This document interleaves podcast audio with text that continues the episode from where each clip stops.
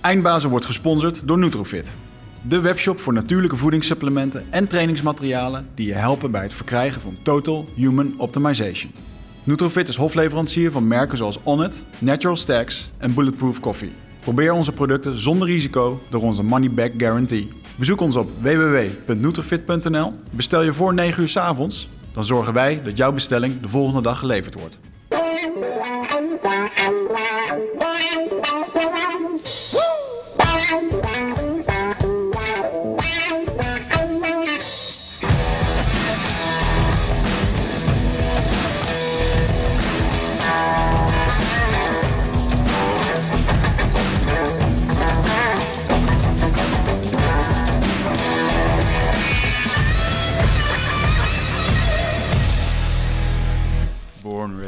Born ready. to fail.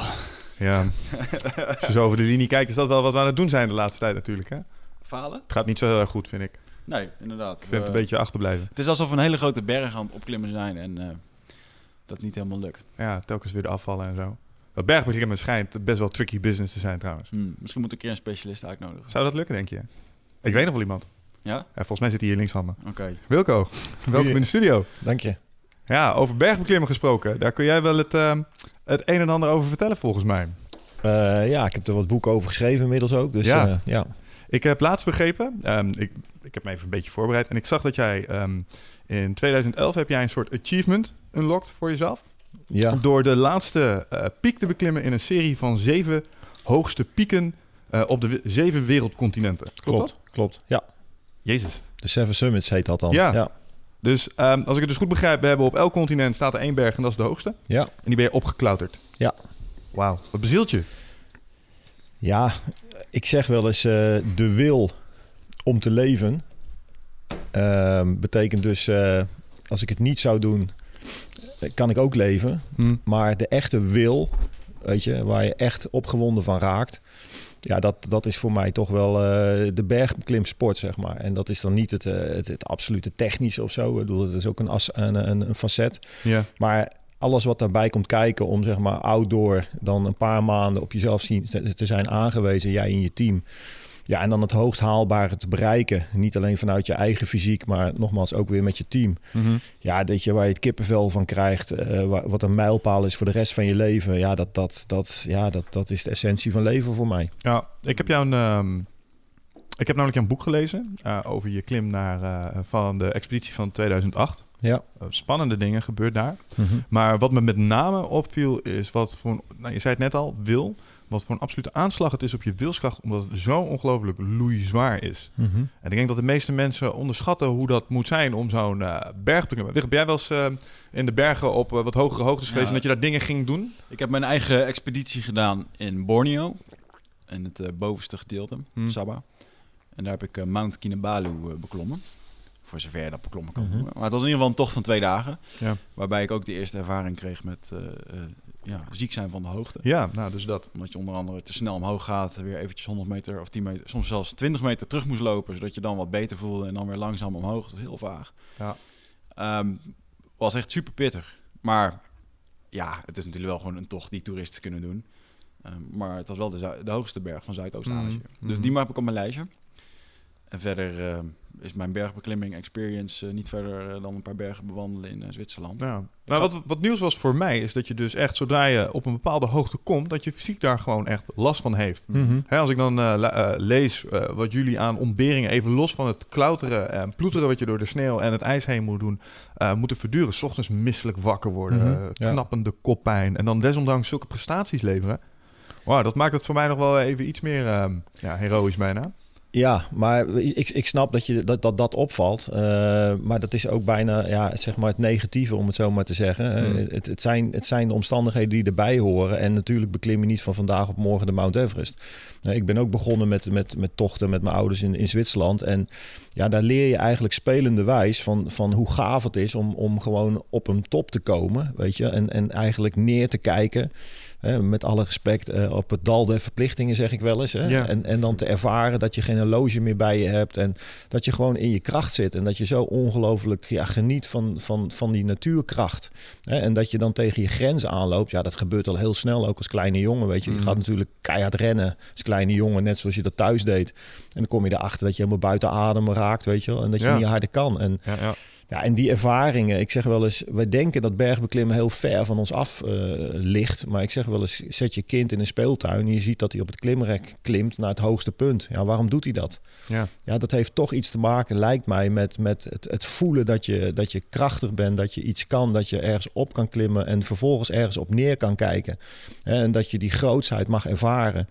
Ja, en ja, hoe ouder je wordt, hoe hoger je natuurlijk wil. En ja, ik zeg wel eens, als je dan uiteindelijk op die top van de Mount Everest staat of die K2 en je ziet daar de kromming van de aarde, ja, dan voel je je zo verschrikkelijk nietig en tegelijkertijd zo ongelooflijk trots dat je dat hè, op eigen willpower, manpower hebt, hebt, eh, Mhm. hebt, hebt bereikt. En, en een astronaut ziet misschien ook die kromming, maar die wordt met brute kracht en een raket eh, daar de, de ruimte in geschoten zonder dat hij nog iets kan controleren. En dit heb je dan toch met, met je team bereikt. En een paar maanden daarvoor stond je tegen een gigantische berg op te kijken, waarbij je je heel klein voelde en dacht: gaan we dat ooit halen? ja. Ja, weet je, en dan hoort dat ploeteren, ja, dat hoort, erbij, dat hoort er gewoon bij. Wauw. Maar ook nieuws. Je kunt dus blijkbaar zelf zo hoog klimmen dat je de kromming van de aarde echt daadwerkelijk kunt zien. Ja, nou, en sterker nog, op de K2 hebben we iets ervaren. Dat is helemaal bizar. Dan sta je op die top. En vervolgens ging de zon onder. En dan zie je de horizon voor je. En dan zie je die top waar jij dus op staat. Mhm. Die zie je boven die horizon uitsteken.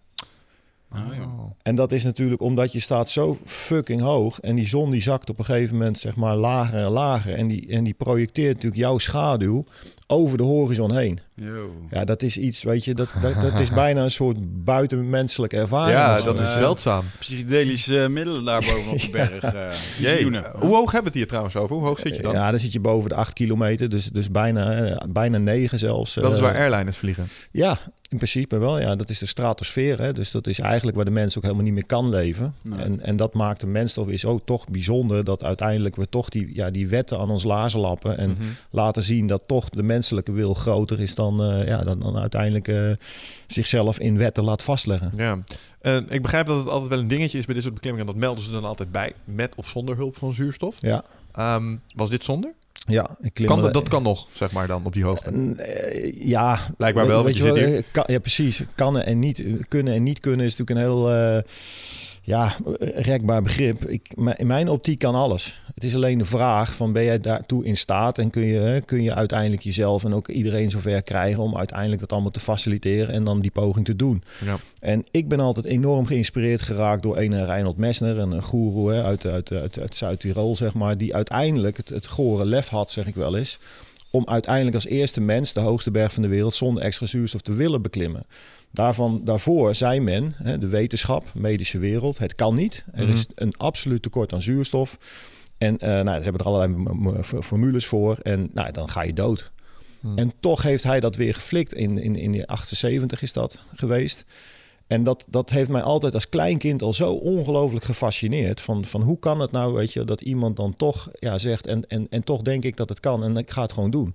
Ja. En dat heeft mij altijd geboeid. En natuurlijk ben je Nederlander en voel je je wat kleiner. Hè? Zo van, ja, ik, ik, zou ik dat ook kunnen? En dan ga je weer naar die medische wereld toe. En dan blijk ik helemaal fysiek daar niet voor, eh, voor in de weg, in wieg te zijn gelegd. hè. Want ik ben vrij lang. Dat betekent dat je hart moet een langere af... eh, je, je- sorry, je zuurstof van, hè, moet vanuit je hart een langere weg naar je hersenen afleggen. Hmm. Nou, dat gaat echt tegen je spelen. Dat is een beetje hetzelfde als, eh, als F-16-piloten... Die, die zeg maar in, die, eh, in, die, ehm, in zo'n... ehm, Centrifuge. centrifuge zitten. Die leggen het eerder af tegen bijvoorbeeld de Japanse piloten. Omdat Japanse piloten zijn veel kleiner, gedrongener. En die kunnen dat met dat strainen, dus dat zuurstof in die hersenen pompen. Dat kunnen zij, die, die G-krachten kunnen zij veel beter aan. Nou goed. Ja, en uiteindelijk heb ik het toch gedaan. En dat blijkt maar weer dat het uiteindelijk... Het, zit, het is uiteindelijk een mentaal ding, weet je. Het, en dus je kunt trainen wat je wil. Als je uiteindelijk niet ja, de, de, de, de juiste mindset hebt om uiteindelijk dit, dit te willen... En, dit, en dus ook de overtuiging te hebben dat het kan... Ja, dan gaat het je ook niet lukken. Nee. Nee, het zit tussen de oren. En, en, en dat vind ik wel heel belangrijk om erbij te vermelden. Natuurlijk was het een soort sportieve prestatie. Ik wilde natuurlijk mijn fysiek ook voor mezelf bewijzen. Ben ik in staat om de hoogste ber- berg van de wereld zonder extra zuurstof te beklimmen? Maar naarmate ik ouder werd en zeker naarmate ik ook Everest eh, met succes had afgelegd en daarna nog de droom had om K2 ook te doen, begon ik me wel steeds meer te realiseren hoe ongelooflijk ja, powerful, eh, krachtig het voelt om dat zonder extra zuurstof te kunnen doen. Want op het moment dat jij met zuurstof klimt, maak je een ongelofelijke denkfout in die zin dat je dacht hè, dat dat veiliger zou zijn. Mhm. Want dan zeggen mensen, ja, want dan kan je beter denken in je huis, in je warmtehuishouding is beter gereguleerd enzovoort. Maar wat jij, de denkfout die je maakt, is dat je je volledig afhankelijk maakt van een technisch systeem. Namelijk van een paar van die flessen waar dan een stuk techniek op zit, met, met kranen en kleppen en weet ik het allemaal. Ja. En in het verleden is dat al heel vaak misgegaan. Ja, wat, gebeurt er als zo'n ding het opgeeft? Ja, dan, dan ben je gewoon gezien. Ik bedoel, als jij in ene keer letterlijk hier in deze kamer maar een klein beetje zuurstof weghaalt, dan vallen we zo in slaap met, met elkaar. Ja. En die zuurstof, dat is, ik bedoel, ik heb het in hyperbare kamers ook wel meegemaakt, waar dus die piloten ook trainen. Dan krijg je acuut zuurstoftekort. Dat is nog iets anders dan wat wij doen. Wij gaan natuurlijk heel langzaam naar die hoogte, maar op een gegeven moment, als je met zuurstof gaat klimmen, dan verlaag je die berg van 8 kilometer naar 5 kilometer, hè, even extreem gezegd. ja. Als jij dan in ene keer die zuurstofkraan dicht eh, draait op 8 kilometer hoogte, ja, dan heb je gewoon op dat moment een acuut zuurstoftekort. En dan ga je hele gekke dingen doen. Dan ga je hele domme fouten maken. Ik heb mezelf in die hyperbare kamers zien prutsen. Dan krijg je zo'n bal waar die kinderen ook weer mee zitten. En dan moet je een Mhm. vierkantje door een vierkantje doen, een rondje door een rondje. Je kent ze wel. Ja. En dan zie ik mezelf op film terug dat ik dus een vierkantje door een rondje zit proberen te, te prikken. En, en een rondje door en andersom. En dat komt alleen maar door acuut zuurstoftekort. Je, de logica is volledig weg. Is dit hetzelfde effect dat je krijgt bij de diepzeeduiken? Als je boven, daar kan je ook dronken onder water raken, toch? Door, Klopt. door nitro. Ja, eh, klopt, klopt. En het is inderdaad, mensen denken vaak, ja, dat is hetzelfde effect, maar dan omgekeerd. Maar dat is het niet hoor. Het is, het is, het is, het is echt, dat kun je niet vergelijken. Het ene is echt zuurstoftekort en zeg maar, met duiken heb je meer een kooldioxide probleem. Ehm, en, en ja, wij hebben gewoon absoluut een tekort aan zuurstof op dat moment. En ik kan niet vaak genoeg, ja, en moeilijk genoeg uitleggen hoe, hoe als je maar echt waar in deze lucht, hè, er zit 20% ongeveer van deze lucht is zuurstof, als je daar Mhm. maar een paar procent weghaalt, joh, dan gaan zijn mensen echt helemaal tot niks meer in staat. Ja. Hè, ik kijk jou nog wel aan, maar alles wat jij zegt, het komt helemaal niet meer binnen. Ja. En als jij mij de meest simpele vragen stelt, ook weer in die hyperbare kamer, die, die kapitein op dat moment, die vraagt aan mij, ik heb één mas van 75 eurocent, nu heb ik er twee, wat kosten twee massen? En je komt er gewoon niet meer uit. Zo. En, en, en hetzelfde met, een, met, een, met, een, met zo'n doolhof, weet je. Je bent aan het tekenen en er is niks makkelijker. Hè? Je moet op een gegeven moment van nummertje 31 naar 32 naar 33. Mm. En je ziet wel dat je van 31 naar 32 moet. En je ziet je hand gewoon naar links afgaan. Hmm. Je hebt gewoon geen controle meer over, over je eigen systeem met een klein... En op dat moment grijpt die man in en laat die kamer vullen met 100%. En, en, en echt in een split second heb je gelijk door wat je aan het doen bent. Ja. Dat is ongelooflijk hoe wat zuurstof met een mens doet. Train je dit in een soort van eh, leslokaal als deze, waar gewoon de zuurstof uitgetrokken kan worden? Of is dat... Nee, want dit, uiteindelijk is het, het is goed om mee te maken. Dat je Mhm. dus ook bij jezelf, dat je niet denkt, ik ben een ubermens, hè, mij gaat niks overkomen. Dus je, je ervaart de kwetsbaarheid. Maar wat een groot verschil is, is het is acuut zuurstoftekort.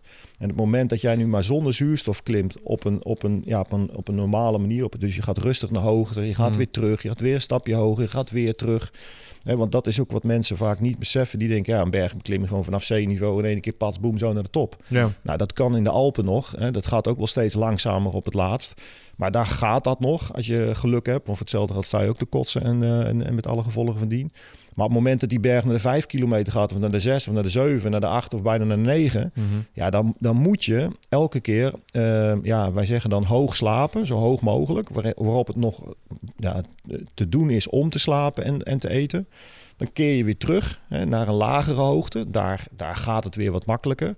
En als het goed is, heb je je lichaam als het ware een soort opdonder gegeven. Om, om te vertellen van, joh, wen hier nou aan. Want we gaan hier morgen weer naar terug, of Mhm. overmorgen.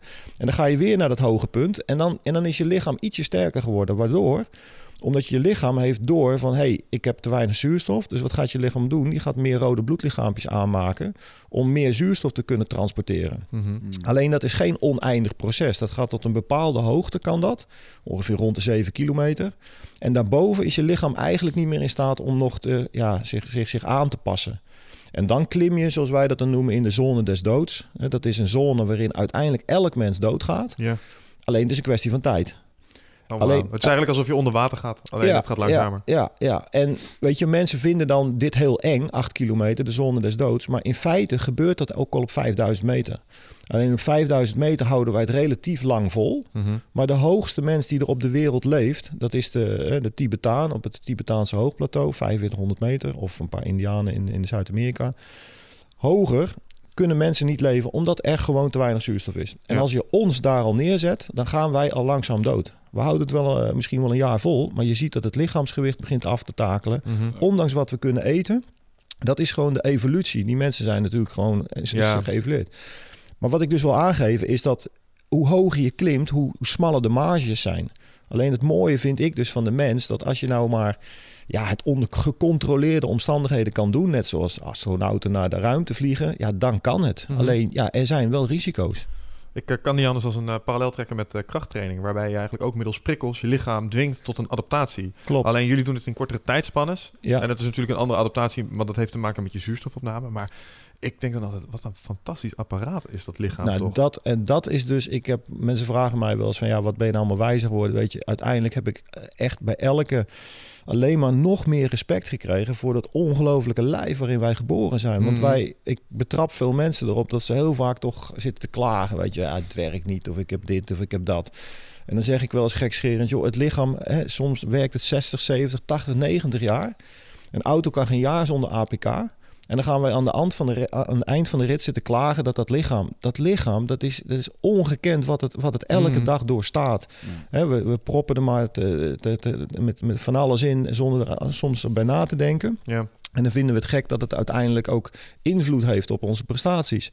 En het moment dat je dus in die bergen voelt dat alle kracht gewoon uit je lijf moet komen. En dat als je daar nou maar goed voor zorgt. En hè, je zorgt dat je uiteindelijk ja, die frisse lucht kan blijven ademen. Ja, dan, dan, dan, dan zijn we tot onmenselijke prestaties eh, in staat.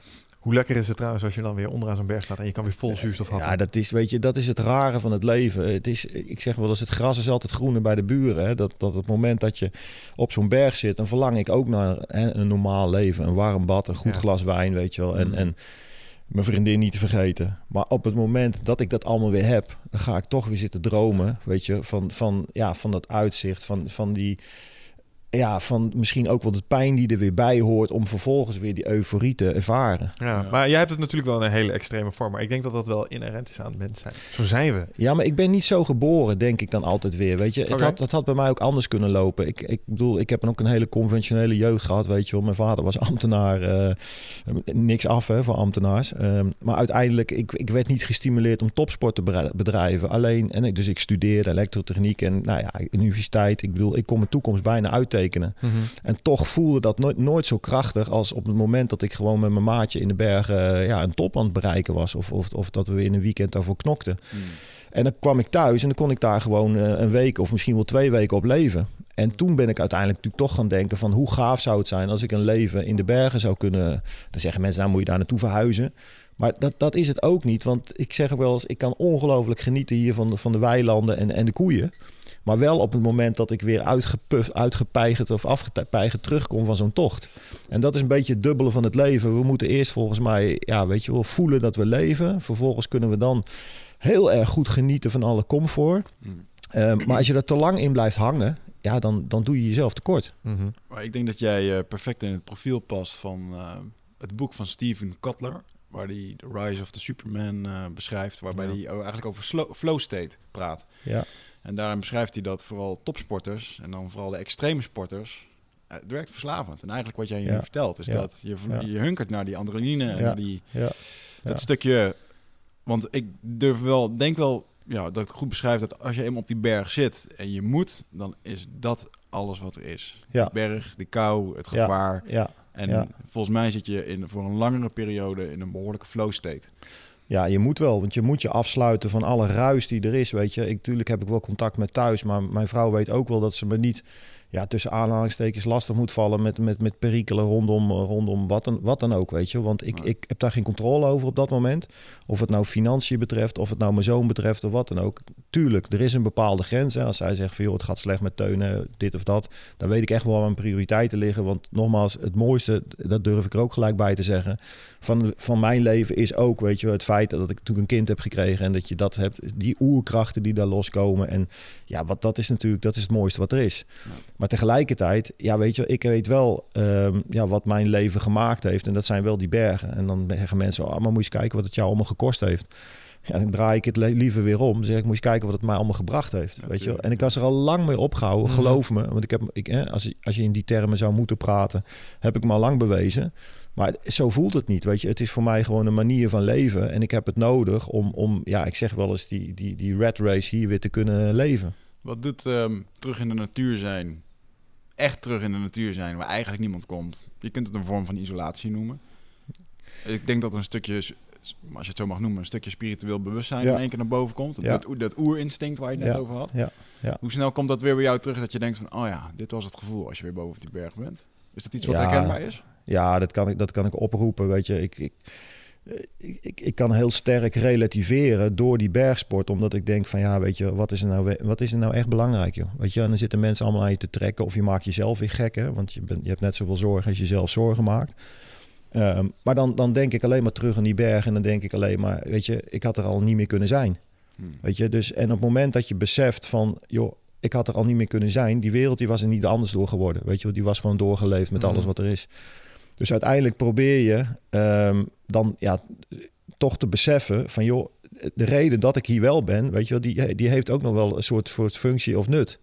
En die probeer je dan veel beter in te vullen. Dus je bent volgens mij, elke keer als je terugkomt, ga je met meer bezieling of meer zingeving, wat het dan ook mag, mag zijn, hè, um, voort. Zonder je af en toe toch weer te laten verleiden tot allerlei onzin. Mhm. en, en, en ik denk dat als mensen ja, meer bezig zijn met, met... En in de natuur vind je dat. Ik ben ervan overtuigd als iemand drie uur gaat wandelen in het bos... dan komt hij bij zichzelf. Dan is hij op een gegeven moment is hij even klaar met allerlei onzin. En, en dan denkt hij, maar wat, wat wil ik nou echt, weet je wel? Deze dag of deze week? Of... En hoe langer je jezelf afzondert... Hoe, hoe meer je tot dat bewustzijn afdaalt of indaalt. En dat, dat is, ik denk dat ik gun mensen om één keer per jaar bij wijze van spreken in, in een week lang eh, in een huisje op Vlieland te gaan zitten in hun eentje, zonder tv en mobiel. Om gewoon eens even weer te beseffen van joh, wat, wat eh, de dingen op een rijtje te zetten. En ook weer vooruit te kijken. Wat, wat, wat, wat wil ik nou in 2016? Dat als ik op 31 december 2016 hier zit, gedaan hebben. Weet je? En natuurlijk, ik moet ook allerlei onzin doen. Weet je, ik moet ook mijn hypotheek en noem het allemaal op. Maar dat is natuurlijk niet het nut. Dat is niet het doel. Dus op het moment dat je weer even voorbij dat doel kan kijken, dan, dan krijg je daar ook kracht van. En ik zeg wel eens, als je iets vanuit een bezieling doet, ja, dan kost het helemaal geen energie meer. Weet je, en dan is het ook helemaal niet erg of je daar nou voor betaald krijgt of niet. Dat is ook zo'n zo'n vertroebelende factor. En dat is het mooie, dat als je in die natuur bent, dan heb je niks meer aan een portemonnee. En je hebt niks meer aan het mobieltje, tenminste, hè, in die mm. extreme natuur. Uh, je gaat beseffen dat de zonnekracht, weet je, die, die levert je letterlijk en figuurlijk elektriciteit op om, om naar huis te kunnen bellen. Ja. Uh, de water moeten wij maken uit de sneeuw. Dus het is logisch dat je niet daar gaat staan, staan te pissen. Nou, kortom, er worden allerlei ja, goed, goed gedrag wordt daar ja, letterlijk en figuurlijk noodzakelijk. Wordt beloond. Ja, En, mhm. en hoe gek is het dus als we dan weer terugkomen in deze wereld. En nogmaals, ik doe er ook aan mee, hoor. Laat, laat dat duidelijk zijn. Maar dan vraag ik me toch af hoe kan het nou zijn dat wij heel rare, hele rare dingen doen met elkaar? waardoor, waarvoor we uiteindelijk zelf de prijs moeten betalen als je naar uiteindelijk kijkt hoe wij met de natuur omgaan en met schoon drinkwater en energie, nou, noem het allemaal maar op. En gelukkig dat er nu veel meer aandacht is en, en, en daar werk ik dan ook uh, nou ja, op mijn manier aan mee. Maar dat vind ik de kracht van de natuur, dat het je spiegelt van hè, de natuur is gewoon vele malen sterker en groter dan ons. Alleen wij denken toch in deze geciviliseerde wereld dat wij het allemaal wel kunnen controleren. Ja, dat, dat, dat, daar komen we dan af en toe komen we snoeihard weer achter dat dat niet zo is. Nou, en hoe meer mensen de natuur ingaan, hoe meer respect we weer krijgen en hoe meer we onze eigen plek kennen. En uiteindelijk ook hoe meer we vanuit onze eigen kracht daar dan een bijdrage aan kunnen leveren. Ja, maar denk je ook niet dat het, het stukje ehm, gevaar dat erbij speelt, uh, een stukje nederigheid met zich meebrengt, waardoor je deze inzichten iets makkelijker kunt krijgen. Want als je een paar keer, kijk, mhm. ehm, om een idee te geven, wat, wat mij echt deed realiseren hoe fucking gevaarlijk is dat bergbeklimmen is toen ik een stuk las waarbij jullie een bepaald uh, plateau moeten oversteken, een soort helling. En uh, om de zoveel minuten raast daar met, ik weet niet hoeveel kilometer per uur, een paar kiezels naar beneden. denk je, ja, een paar kiezels die van de berg afflikkeren. Maar als, je, als ze je raken, kun je gewoon ernstig gewond Mhm. raken. Zeker nog, je hebt een keer een expeditie moeten afbreken om Mhm. zoiets te doen. En volgens, volgens mij word je daar ehm, op de juiste manier bang van. En snap je hoe nou ja, uh, hoe snel het ook voorbij kan zijn. Want je brengt jezelf echt in een situatie waar je redelijk eenvoudig het zou afleggen tegen moeder natuur. Ja, maar bang zijn vind ik niet het juiste. Tuurlijk, je hebt, je hebt Ontzag angst. hebben voor dan? Nou, die, die angst die doet je beseffen dat, dat inderdaad dat het leven relatief is. En dat je bijna een soort gedwongen bent om spiritueel te worden. Want op het moment dat je iets doet wat 50% kans maakt, hè, of het goed of niet goed afloopt. Ja, zijn dat echt de kansen Nee, die je zelf toebedeelt? Nee, maar ik 50-50. bedoel, Ja, even- misschien even- wel, misschien niet. Nou ja, even, even om, uh, om het even extremer te trekken. Want Hmm. anders dan, dan, ja, dan, dan komt het vaak toch niet binnen of snappen mensen niet. Of, maar stel dat we hier de straat over gaan, weet je wel, uh, hetzelfde namelijk. Um, en het heeft 50% kans om, om, om aangereden te worden. Dan, ho dan hoop ik, dan gun ik jou in ieder geval om, om in die engelen te geloven. Want, want met die kracht zit je, volgens mij, heb je een grotere kans om, om, om aan de goede kant te, te zitten dan aan de andere kant. Hmm. Wat ik hiermee bedoel te zeggen is dat hoe mooi is het dus dat je, dat, dat je kunt ervaren ja, dat het leven niet vanzelfsprekend is. Dat er Ja. momenten zijn waarbij je soms ook dingen gewoon in de lucht moet gooien en het maar los moet laten. En dat is natuurlijk ook zo als het ons leven aangaat. Want mensen kijken, en ik snap het wel hoor, met heel veel risico, uh, bes risicovol besef naar onze sport. Maar er sterven in Nederland meer mensen aan stress en, en, en aan psychologische ziektes en weet ik wat voor, van onzin, Mm -hmm. dan dat de mensen door sport omkomen. Met andere woorden, op het moment dat je die controle uiteindelijk gewoon bewust, um, daar bewust mee bezig bent, dan kun je risico's loslaten. Wat die risico's ook maar zijn. Of het dan slecht eten is, of dat het te veel werk is, of dat het te veel bergbeklimmen is. Mm -hmm. Dat mag je zelf invullen. Ja. Maar laat het niet gebeuren dat je zegt: het is mij overkomen. Want dat vind ik namelijk. Ja, een, een, een, dat, ik, ik ben het daar namelijk niet mee eens. Want heel vaak als je de film terugspoelt. Dan is daar, zijn er heus wel aanwijzingen geweest. waarop je ook een ander besluit had kunnen nemen. Mm -hmm. Dus ook toen ik naar de K2 ging. heb ik nooit gezegd: het is mij overkomen. Natuurlijk, het is de makkelijkste manier om te zeggen: we hebben een ongeluk gehad. Maar ik wist toch wat ik deed. Ik wist toch waar ik naartoe ging. We hebben daarom toch ook alles, voor mogelijk, alles wat in ons vermogen lag eraan gedaan. Mm -hmm. nou, en dan kunnen we het loslaten. En dat het dan toch gebeurt. Ja, weet je, shit happens. Ongelukken gebeuren. Ik, Ja. kan, ik kan ook al in het verkeer een ongeluk krijgen. Ondanks dat ik een veilige auto rijd, niet gedronken Ja. heb, noem het maar op. Nou, en op het moment dat je dat beseft. Ja, dan kunnen we veel meer vanuit onze kracht gaan leven. In plaats van dat we ons door die angst laten blokkeren. Wat is de grootste angst die je ooit een keertje hebt gehad op die berg? Nou ja, de angst dat je natuurlijk inderdaad niet meer terugkomt. Ik, bedoel, ik heb natuurlijk letterlijk en figuurlijk eh, voor een zwart gat gestaan. Op de K2, eh, waarop mijn terugweg was afgesneden. Terug omhoog ging niet meer, want de batterij was letterlijk en figuurlijk leeg. Je kunt daar nooit dezelfde weg. Het is niet dezelfde weg. Het ligt net hoe dat de weeromstandigheden zijn. De sneeuw, het ijs. Ja, nou ja, in dit geval, we hadden touwen aangebracht. Want we wisten dat het een gevaarlijk stuk was. En we komen terug en die touwen zijn weg. Ja, weet je, dan, dan sta je voor een voldongen feit. En wisten we nou maar gewoon dat die touwen eh, vernietigd waren door vallend ijs. Dan hadden we, hadden we dat als een voldongen feit kunnen beschouwen. En dan hadden we gezegd, oké, dan moeten we nu, vanaf nu een oplossing verzinnen. Maar wat gebeurt er op het moment dat jouw touwen weg zijn? Dan ga je twijfelen. Want je, je, je, je weet zeker dat niemand die touwen heeft weggehaald. En als jij geen lawines hebt gehoord en gezien, dan denk je, we zitten niet goed. Ja. We moeten naar links of we moeten naar rechts. Nou, en dan begint de, de, de ellende dat, dat, dat niemand weet het meer. En iedereen begint te twijfelen. En dan krijg je een soort van, wat je eh, bij wijze van spreken op, op, op, op, op, een, op een Munro in Schotland ook al kan hebben. Als je één keer een rondje draait, weet je echt niet meer van welke kant je bent gekomen. Ja. En dan gaat de een die gaat naar links, want die weet zeker dat het naar links is. En de ander die gaat naar rechts, want die weet zeker dat het naar rechts is. Maar op een gegeven moment ben je ook het stadium van discussiëren eh, voorbij. Want iedereen, het mes staat op je keel. En het is heel simpel. Het is to be or not to be. En dan gaan mensen reageren vanuit een soort overlevingsinstinct. En dat is ook goed. Alleen, ja, dat betekent wel dat, dat iedereen maakt een eigen afweging. Ja. Ja. dat viel me in het boek ook wel op. Dat op een gegeven moment ehm, mensen toch wel... ehm, nou, ik wil niet zeggen dat de groepscohesie uit elkaar valt, maar mensen zijn, met dat, met dat je samen daar naartoe gaat, ben je ook op jezelf aangewezen. Want eh, wat mij heel erg opviel, is dat iedereen zijn eigen keuze moest maken. Ja. En daar de verantwoordelijkheid voor moest dragen. Maar dat is wat heel belangrijk in dit verhaal is, is dat ons hele leven speelt uit in een soort controle-omgeving. Hè? Alles Mhm. is in, in control. Maar wat nou als het van de een op het andere moment out of control is? Hè? Dus er valt hier een bom binnen, Ja. of er, er ontstaat hier een fik. Dan ben ik wel benieuwd of jij nog gaat overleggen. Dat doe je niet. Jij Ja. rent naar links en jij rent naar rechts. En alles wat je doet is goed. Je kunt niet zeggen wat hij deed is verkeerd. Mhm. Want in, mijn, in ons geval, een teamgenoot van mij heeft een andere, eh, andere klimmers proberen te, rem, te, red- te, te, te redden. Dat is hem uiteindelijk eh, noodlottig geworden. Dan kun je achteraf natuurlijk zeggen, ja, waarom heeft hij dat nou gedaan? Ja, ik ben ervan overtuigd dat hij gewoon overtuigd was van het feit dat het, dat het hem zou gaan lukken. Want anders Ja. doe je dat niet. Je rent niet een vuur in met het idee van nou, kom er niet meer uit. Je rent het vuur in omdat je denkt, ik, zal me, ik, ik ga die gozer eruit halen. Ja. Nou, en, en andere mensen die daar, die daar niet het vuur in zijn gelopen, ja, die hebben ook een goed verhaal. Ik bedoel, weet je, dat is zo moeilijk. Dat wat, de vraag is altijd, wat zou ik doen in die situatie? Mhm. En dan kun je in de voorbereidingen, tekenen we er zelfs contracten daarop, hè, van, van dat we elkaar niet verantwoordelijk kunnen stellen enzovoort. Mm. Maar hoe je terugkomt is altijd, ja, weet je, je weet niet hoe je reageert. Ja. En tegelijkertijd moet je weten, je kunt wel naast je collega gaan zitten, hè, die letterlijk en figuurlijk door zijn hoeven is gezakt. Maar we proberen in de voorbereiding dit wel scherp te krijgen. Zo van, doe dat nou niet, want dan hebben we straks twee eh, doden.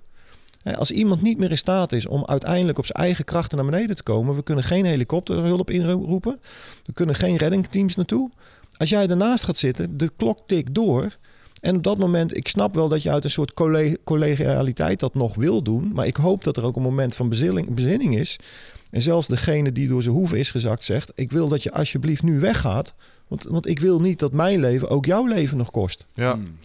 Ik en, heb... dit, eh, en dit zijn hele interessante ja, casussen om, om gewoon eens samen, weet je. En dan uiteindelijk tot het punt te komen van: Weet je, ik hou zoveel van je. Dat wat jij ook besluit, het is allebei goed. hmm. Ja. En, maar dat is moeilijk, hè? Dat, Ja, dat is een heel lastig. Want de eerste reactie die ik had toen ik een eh, quote van jou las, dat was eh, de volgende. En je kent hem ongetwijfeld. Dat was eh ehm, naar aanleiding van een discussie over een collega die in de problemen was gekomen. Ja, sorry, we zijn niet in de Alpen aan het spelen. Dit is gewoon de Himalaya. Je mag er toch van uitgaan dat iemand voor zichzelf kan zorgen hier. Ehm, en eh, enerzijds klinkt dat heel hard. Mhm. Want eh, oké, als jij niet voor jezelf kan zorgen, ja, je weet waar je aan begonnen bent. Dus ehm, Ja. ja, het, het voelt een beetje als screw you. Maar wat ik hier beluister is, ja, maar dat is willens en wetens. Dat wordt van, van tevoren zelfs juridisch Mhm. geborgd, hoor ik. Mhm. Ja. Nou, dat doen mensen ook niet zomaar, want dat betekent dat het vaker is gebeurd. Ja. En een van de ehm, ja, meest macabere dingen die ik daarover las, ik geloof dat het in jouw boek was of een, een losstaand incident, is dat mensen dan ook ehm, tijdens de afdaling een, ge een gedaante zien zitten. Ze lopen erheen, ze komen achter een andere klimmer, die kan niet verder. En ze moeten inderdaad diegene weer achterlaten. Dus je hebt nog even een gesprek met zo'n persoon, Mhm. maar we weten allebei, sorry, ja. dit, is jouw, dit zijn jouw laatste momenten en ik ga niks voor je kunnen doen. Dat Ja, lijkt me moeilijk. je hoopt op een wonder natuurlijk, maar wat je inderdaad wel ja, beseft is van ja, op dat moment moet je een afweging maken. Kan ik wat voor je doen? Kan ik niks voor je doen? En ik zeg natuurlijk kan je altijd iets doen. Hè? Je kan hem een handschoen geven of je kan een radiogesprek voeren of weet ik veel wat. Maar wat je niet kan doen op dat moment is, is een liggen van 80 kilo op je nek nemen. Nee. Nee. En, en, en, en toch zijn er weer voorbeelden van lui die uiteindelijk ehm, toch hebben gezegd... of we gaan samen dood, hè, of, eh, of we gaan het samen redden. Mhm. En die, en die kiest er dus toch voor om bij zo'n gast te blijven. Hmm. En hem uiteindelijk naar beneden te krijgen. En er zijn ook succesvolle verhalen van bekend. Ja. Dus het is zo fucking moeilijk om daar dus van tevoren... Ik denk dat het uiteindelijk afhankelijk zal zijn van je relatie tot die persoon. Mhm. En, en, en, en Gerard heeft, eh, dat is die teamgenoot op K2, die uiteindelijk is een Ier, die mijn team zat, uiteindelijk die andere mensen heeft proberen te redden, wat hem uiteindelijk niet gelukt is. Die had eigenlijk helemaal geen, geen goede relatie met die gasten. Maar dat was zo'n bijzonder persoon. Dat was altijd iemand die, ja, weet je, die, die wilde gewoon iemand zijn leven redden. Mhm. Was ook altijd iemand die de consensus zocht, weet je wel, nooit tot een conflict wilde laten komen enzovoort. Dus dat is ook een karakter van iemand. Maar als je, dat, als je, als je daar anders in zit, ja, dan kun je dat niet zomaar veranderen. Mhm. Mm. En tegelijkertijd, weet je wel, het feit dat hij daar niet is, is natuurlijk, ja, dat is nog steeds een, een vreselijk drama. Zijn vrouw kan echt bijna niet verder. Weet je, die garage staat nog steeds met diezelfde spullen enzovoort. En ik gun haar gewoon een andere vent, maar ik, ik weet gewoon dat het zo niet werkt. En, en natuurlijk, ja, weet je, denk je van, had toch die gasten daar gelaten, weet je, maar was verder gegaan met je leven. En Ja. toch proberen we met die familie, met zijn broers, met zijn moeder, weet je wel, ja, hem te eren. En dat lukte ook. Ja, hij was de eerste Ier die de K2 beklom. En, en, en we hebben elk jaar hebben we dan een soort uh, nou ja, memorial nog steeds. Hè. Dan gaan we een fietstocht doen. En we hebben daar de hoogste berg in Ierland hebben, hebben we een bordje opgezet. Nou, en wat je dan probeert is toch de, de, de uh, celebrating the life of Gerard. Zijn leven te vieren in Ja. plaats van het om te keren en te zeggen... jongen, jongen, jongen, had hij het nou maar niet gedaan... en wat zijn we nu in rouw met elkaar. Ja. En dat vind ik ook een mentaliteitsissue hoor. Want Ieren zijn heel, is een trots volk hè. Ja. Dat, dat missen wij soms wel eens. Want ik, ik voel gewoon altijd in Nederland dat, dat het is van ja, je moet toch je kop gebruiken en dat is dom wat hij gedaan heeft. Weet je, we elkaar snel ja, veroordelen. Mhm. Terwijl we in Ieren, Ier, die Ieren, ik, ik bedoel, het is, het is, toen ik daar was op die, op die ceremonie, dat was gewoon een grote tent met duizend man. Met vier screens in de hoeken waarop zijn leven afdraaide. En we stonden gewoon aan de bar. En na het katholieke ceremonie bier te drinken met die broers. En natuurlijk ook te janken. Maar ook gewoon die, die kracht te voelen van het, het, het, het gore lef wat Gerald gehad had. Ja. Om uiteindelijk die andere lui te willen proberen te redden. Ja. Uh, ja, missen af en toe weer een beetje de VOC-mentaliteit eh, van het Ja, ja, en, ja, eh, vind ik wel. Vind ik wel. worden. Dat ben ik wel met je eens. Ik zit me alleen maar te bedenken, terwijl ik dit luister, wat ik tegen je zou vertellen op het moment dat ik je erachter liet. Nee, gaatje. Ik zou waarschijnlijk proberen. Ja, ik vind het moeilijk. Nee, maar dat is toch mooi om daarover na te denken? Want wat jij nu zegt, dat is toch prachtig om eens een keer, weet je, gewoon daarover na te denken. En te zeggen van, en wat zou je dan van vinden als ik dit zou doen of dat zou doen? Ja. Of wat zou jij doen? Weet je, en dan krijg je een soort diepgang in je relatie. Ook met, met afscheid van mijn vrouw, weet je. Natuurlijk, als ik op Schiphol sta, sta ik niet eh, te juichen, weet je. Ik, ik ben liever op dat moment bij mijn zoon en bij mijn vrouw. Maar ik weet ook dat het die, die, die, die grenzeloze ja, ambitie is die me daar toch weer naartoe trekt. Niet als ze ziek zijn, hè, want dan weet ik waar mijn prioriteiten liggen. Maar als het leven je toelacht, zoals het op dit moment is. Ja, waarom zou papa zich dan moeten beperken in een soort gouden kooi en, en, en niet zijn ding mogen doen? Ik heb er moeite mee, maar het is wel iets wat ik vanuit mijn diepste verlangen Mm. doe. Ja. Ik heb vorig jaar eens een keer een managementcursus gevolgd van eh, Brian Tracy, een Amerikaan. Dat was een eh 50 dagen cursus of zo. En eh, ergens midden in de cursus zat één oefening waarbij je ehm, tegen die tijd al heel erg helder wist wat je wilde gaan doen met je leven. Tenminste, dat gewoon vanuit. Allerlei vragen te beantwoorden en dat ging dieper en dieper. En op een gegeven moment zat daar een oefening bij. Die heb ik een keertje s'avonds om tien uur eh, uitgevoerd, of eh, ja, eigenlijk geschreven. Ehm, je mocht je afscheidsbrief eh, schrijven die op jouw begrafenis werd voorgelezen. Oh ja. Over jou. Hm. En ik zweer het je dat ik echt, se- serieus, toen ik het schreef, toen heb ik echt met de tranen in mijn ogen gezeten. Van, Ja. ja. Hm. dit is echt wel diep, weet je wel. Ja. En toevallig zag ik het ook een keertje in een ander concept waarbij ze gingen over relaties en psychologie. Waarbij het stelletjes bij elkaar kwamen en wat echt helemaal niet lekker liep. En dat op een gegeven moment nou, ook- ook een beetje een programma in van joh, wat speelt er nou echt? En er werd er ook gewoon gezegd van joh, ehm, schrijf maar eens een, eh, de brief. Eh, ze, is mooi, ze is nu overleden, schrijf maar een brief. Ja. Wat Ja. is de laatste brief die jij... En toen kwam in één keer een hele hoop emotie naar boven. En dan was het eigenlijk van ja, maar ik wil je eigenlijk helemaal niet kwijt, weet Ja. je. En dat Ja. ja, Ja. Hm. gaat diep, zulke dingen. Ja, het doet, doet me herinneren ook, ik kan even niet op het naampje, naam komen, maar er is ook een Amerikaan volgens mij geweest, die heeft een boek geschreven van wat nou als jij eh, in een museum bij jouw leven stilstaat en je mag aan, het, aan die mensen dus vertellen van wie, wie die persoon en wat die deed Over jezelf. over jezelf. Hm. Weet je, dus, dus zorg dat elke dag een soort museumdag wordt. Ja. Weet je wel, waarvan je met trots straks zou vertellen. Nou, ik weet niet, het is 22 december geloof ik. Weet je, op hè? als je met die mindset, dat is, dat is natuurlijk, dat geeft je een kracht. Dan denk je, wat zit ik nou te zeiken hier? Ja. Ja, het maakt, je, het maakt je misschien ook wel dankbaar. En Ja. eh, het maakt dingen minder vanzelfsprekend, Ja. lijkt me. En ja. Ja, met name het oog in oog staan met je eigen eindigheid... ehm, kan de momenten die je nog over hebt super waardevol maken. klopt. En ik denk dat dat misschien wel het grootste Klopt. geschenk hiervan is. Dat denk ik ook. Nou, ze hebben een uitspraak, weet je, en het klinkt een beetje hard, maar pas als je de dood in de ogen hebt gezien, begrijp je de essentie van leven. En dat komt er natuurlijk op neer dat al die mensen die, eh, mijn zus, een ander voorbeeld, maar hij heeft op een gegeven moment borstkanker geconstateerd, heeft ze godzijdank overleefd. Maar ik zie dat zij ook heel anders in het leven in ene keer opereert nu. Ja. Weet je, en, en dan denk ik, hoe kan het toch zijn, en er zijn eigenlijk talloze voorbeelden van bekend, dat mensen pas, ja, als ze een bijna doodervaring achter de rug hebben, dat ze ene keer denken van ja, maar nou laat ik me niet meer gijzelen. Nou Nee. ga ik gewoon datgene doen wat ik belangrijk vind en ik ga actiever leven of ik ga weet ik het wat. Maar Ja, dan is er in één keer de realisatie dat je in je eigen koortje rondloopt. Voor je eigen gedachten. Dat zijn allemaal zelf opgelegde beperkingen. juist, Juist. Want mensen zeggen, ja, maar jij hebt makkelijk... En ik, hoezo heb ik makkelijk praten, weet je? Mhm. Ja, maar wij werken hier en wij... zitten- zeg, maar ja, dat is toch ook een keus? Ik bedoel, als jij nou echt met die zeilboot de wereld rond wil, hè? Dat hoor je dan zo vaak. En dan ga je verder erop in. Ja, maar eigenlijk wil jij helemaal niet.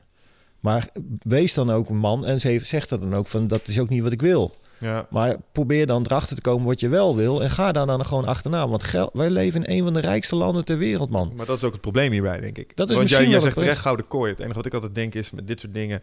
ehm, we hebben het hier te cushy. Wij zijn ontberingen eigenlijk nauwelijks meer gewend. Wanneer is de laatste keer dat je het echt koud hebt gehad? Wanneer is de laatste keer dat je klopt, echt honger klopt, hebt gehad? klopt. En waarschijnlijk nooit. Klopt. Nou ja, en want we denken dat, dat we dat moeten we verzekeren en dat moeten we allemaal, weet je, in control. En je moet niet te ver eh, buiten die comfortzone, terwijl we elkaar Mm. allemaal zeggen, ja jongens, we moeten die stretching zone. Je hoeft niet gelijk die danger zone op te zoeken, maar probeer in ieder geval daar buiten te treden.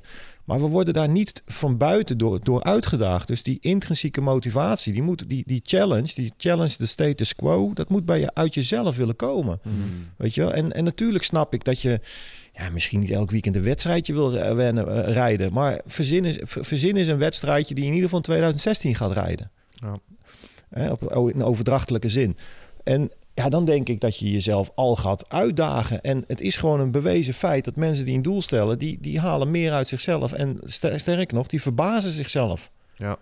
Omdat vanuit Nederland is het ook toch een, een soort cultuur van... nee joh, doe nou maar normaal, dan doe je gek genoeg. En zou je dat nou wel doen? Jij bent gek. Jeetje.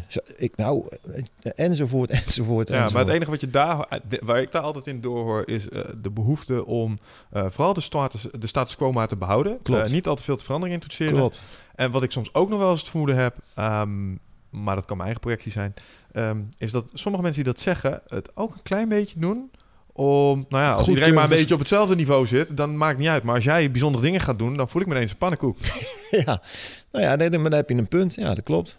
En, dat is eigenlijk een soort verkapt ego.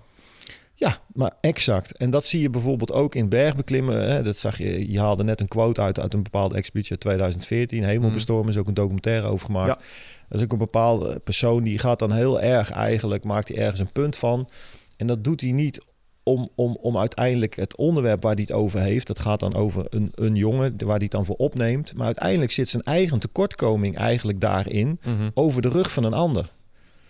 Weet je, Hoe dus, bedoel je dat? nou, op het moment dat ik ehm, me heel erg druk ga maken hoe jij je gedraagt tegenover Michel, Andersom. of andersom.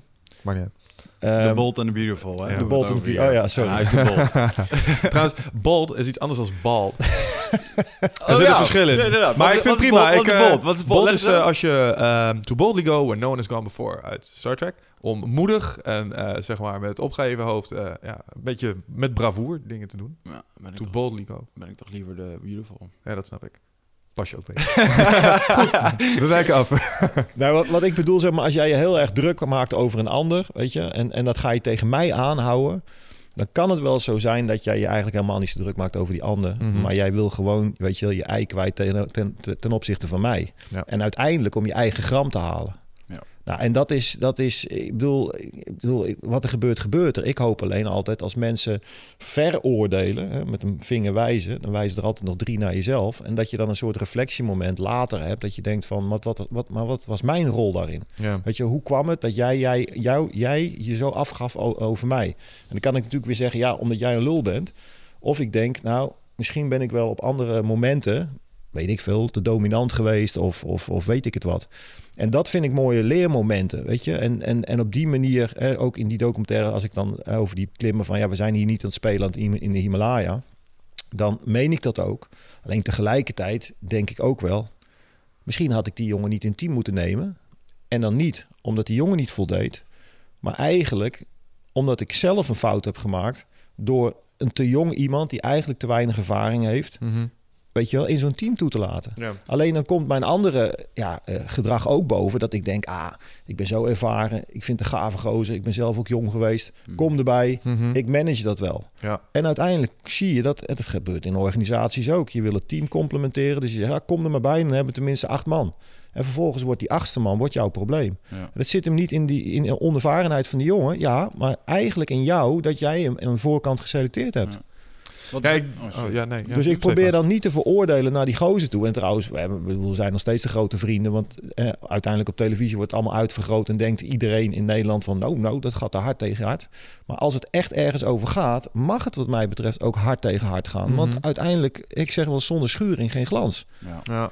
Wat ik wel mooi daaraan vond trouwens is, want eh, ik heb eh, ook iets gelezen van degene die documentaire heeft gemaakt eh, Ja. hierover. Is dat toen je de beelden hebt gezien, dat je het eigenlijk gewoon, ja prima, dit mogen mensen gewoon zien. Want op een gegeven moment wordt er best wel over jou gebekvecht. Ja. Hè, over ze vonden dat je niet verstandige Ja. keuzes maakte. Ja. Wel op die hoogte met zuurstofgebrek, iedereen in de stress en een vermist persoon. Nou, Ja. op een gegeven moment dan, dan gaat het wel even hard op hard. Ja. Maar wat ik dan mooi vind, is dat je daar niet voor wegloopt. Dat je, nou, maar Ja. dit moet men ook zien. Nou ja, weet je, kijk, op het moment Geert-Jan Lassen is de documentairemaker. Die heeft ook eh, de uitverkorenen gemaakt hè, van die mariniers, zeg maar. En het mooie van die documentaire, ook trouwens eh, over die wielrenner eh, eh, Thomas Dekker. Een Mm. prachtige documentaire. En het mooie van, van zijn stijl van documentaire maken, vind ik, of vond ik, vind ik nog steeds, is dat hij niet zo'n direct een oordeel heeft. Hij, hij, hij, hij neemt gewoon op wat hij waarneemt hè, en, en laat het dan gebeuren. En ons uitgangspunt was uiteindelijk, en daar was ik erg door gecharmeerd, om, om de bezieling van de bergsporten bloot te leggen. En nou heb je natuurlijk in de bergsport, heb je, ja, ik zeg maar wel eh, even zo, professionele teams van gelijkwaardige klimmers. Eh, eh, en je hebt ja, expedities tegenwoordig ja, commercieel gedreven zijn in die zin dat, dat of jij nou heel veel ervaring hebt of minder ervaring, je betaalt een bedrag en dan vervolgens koop je die logistiek met elkaar en ga je die berg op. Ja. Nou, op het moment dat die verhoudingen dus niet gelijkwaardig zijn, krijg je natuurlijk ook heel snel discussies. En uiteindelijk zijn we in die expeditie nooit aan een serieuze toppoging toegekomen, omdat uiteindelijk ons kampement was weggewaaid op een bepaalde hoogte. En dan gaat zo'n documentairemaker zich natuurlijk beperken tot het materiaal wat hij heeft. Ja. Nou, dit was een klein dingetje, alleen het was wel het enige materiaal, dus dat wordt enorm uitvergroot. Mhm. En op dat moment wordt dat discussie. En, en, en op dat moment heb ik gezegd, ja weet je, het is zoals het is. En natuurlijk kan ik dan wel zeggen, ik ben het er niet mee eens, maar dat vind ik niet fair. Je bent samen ben je in het project gestapt. Mhm.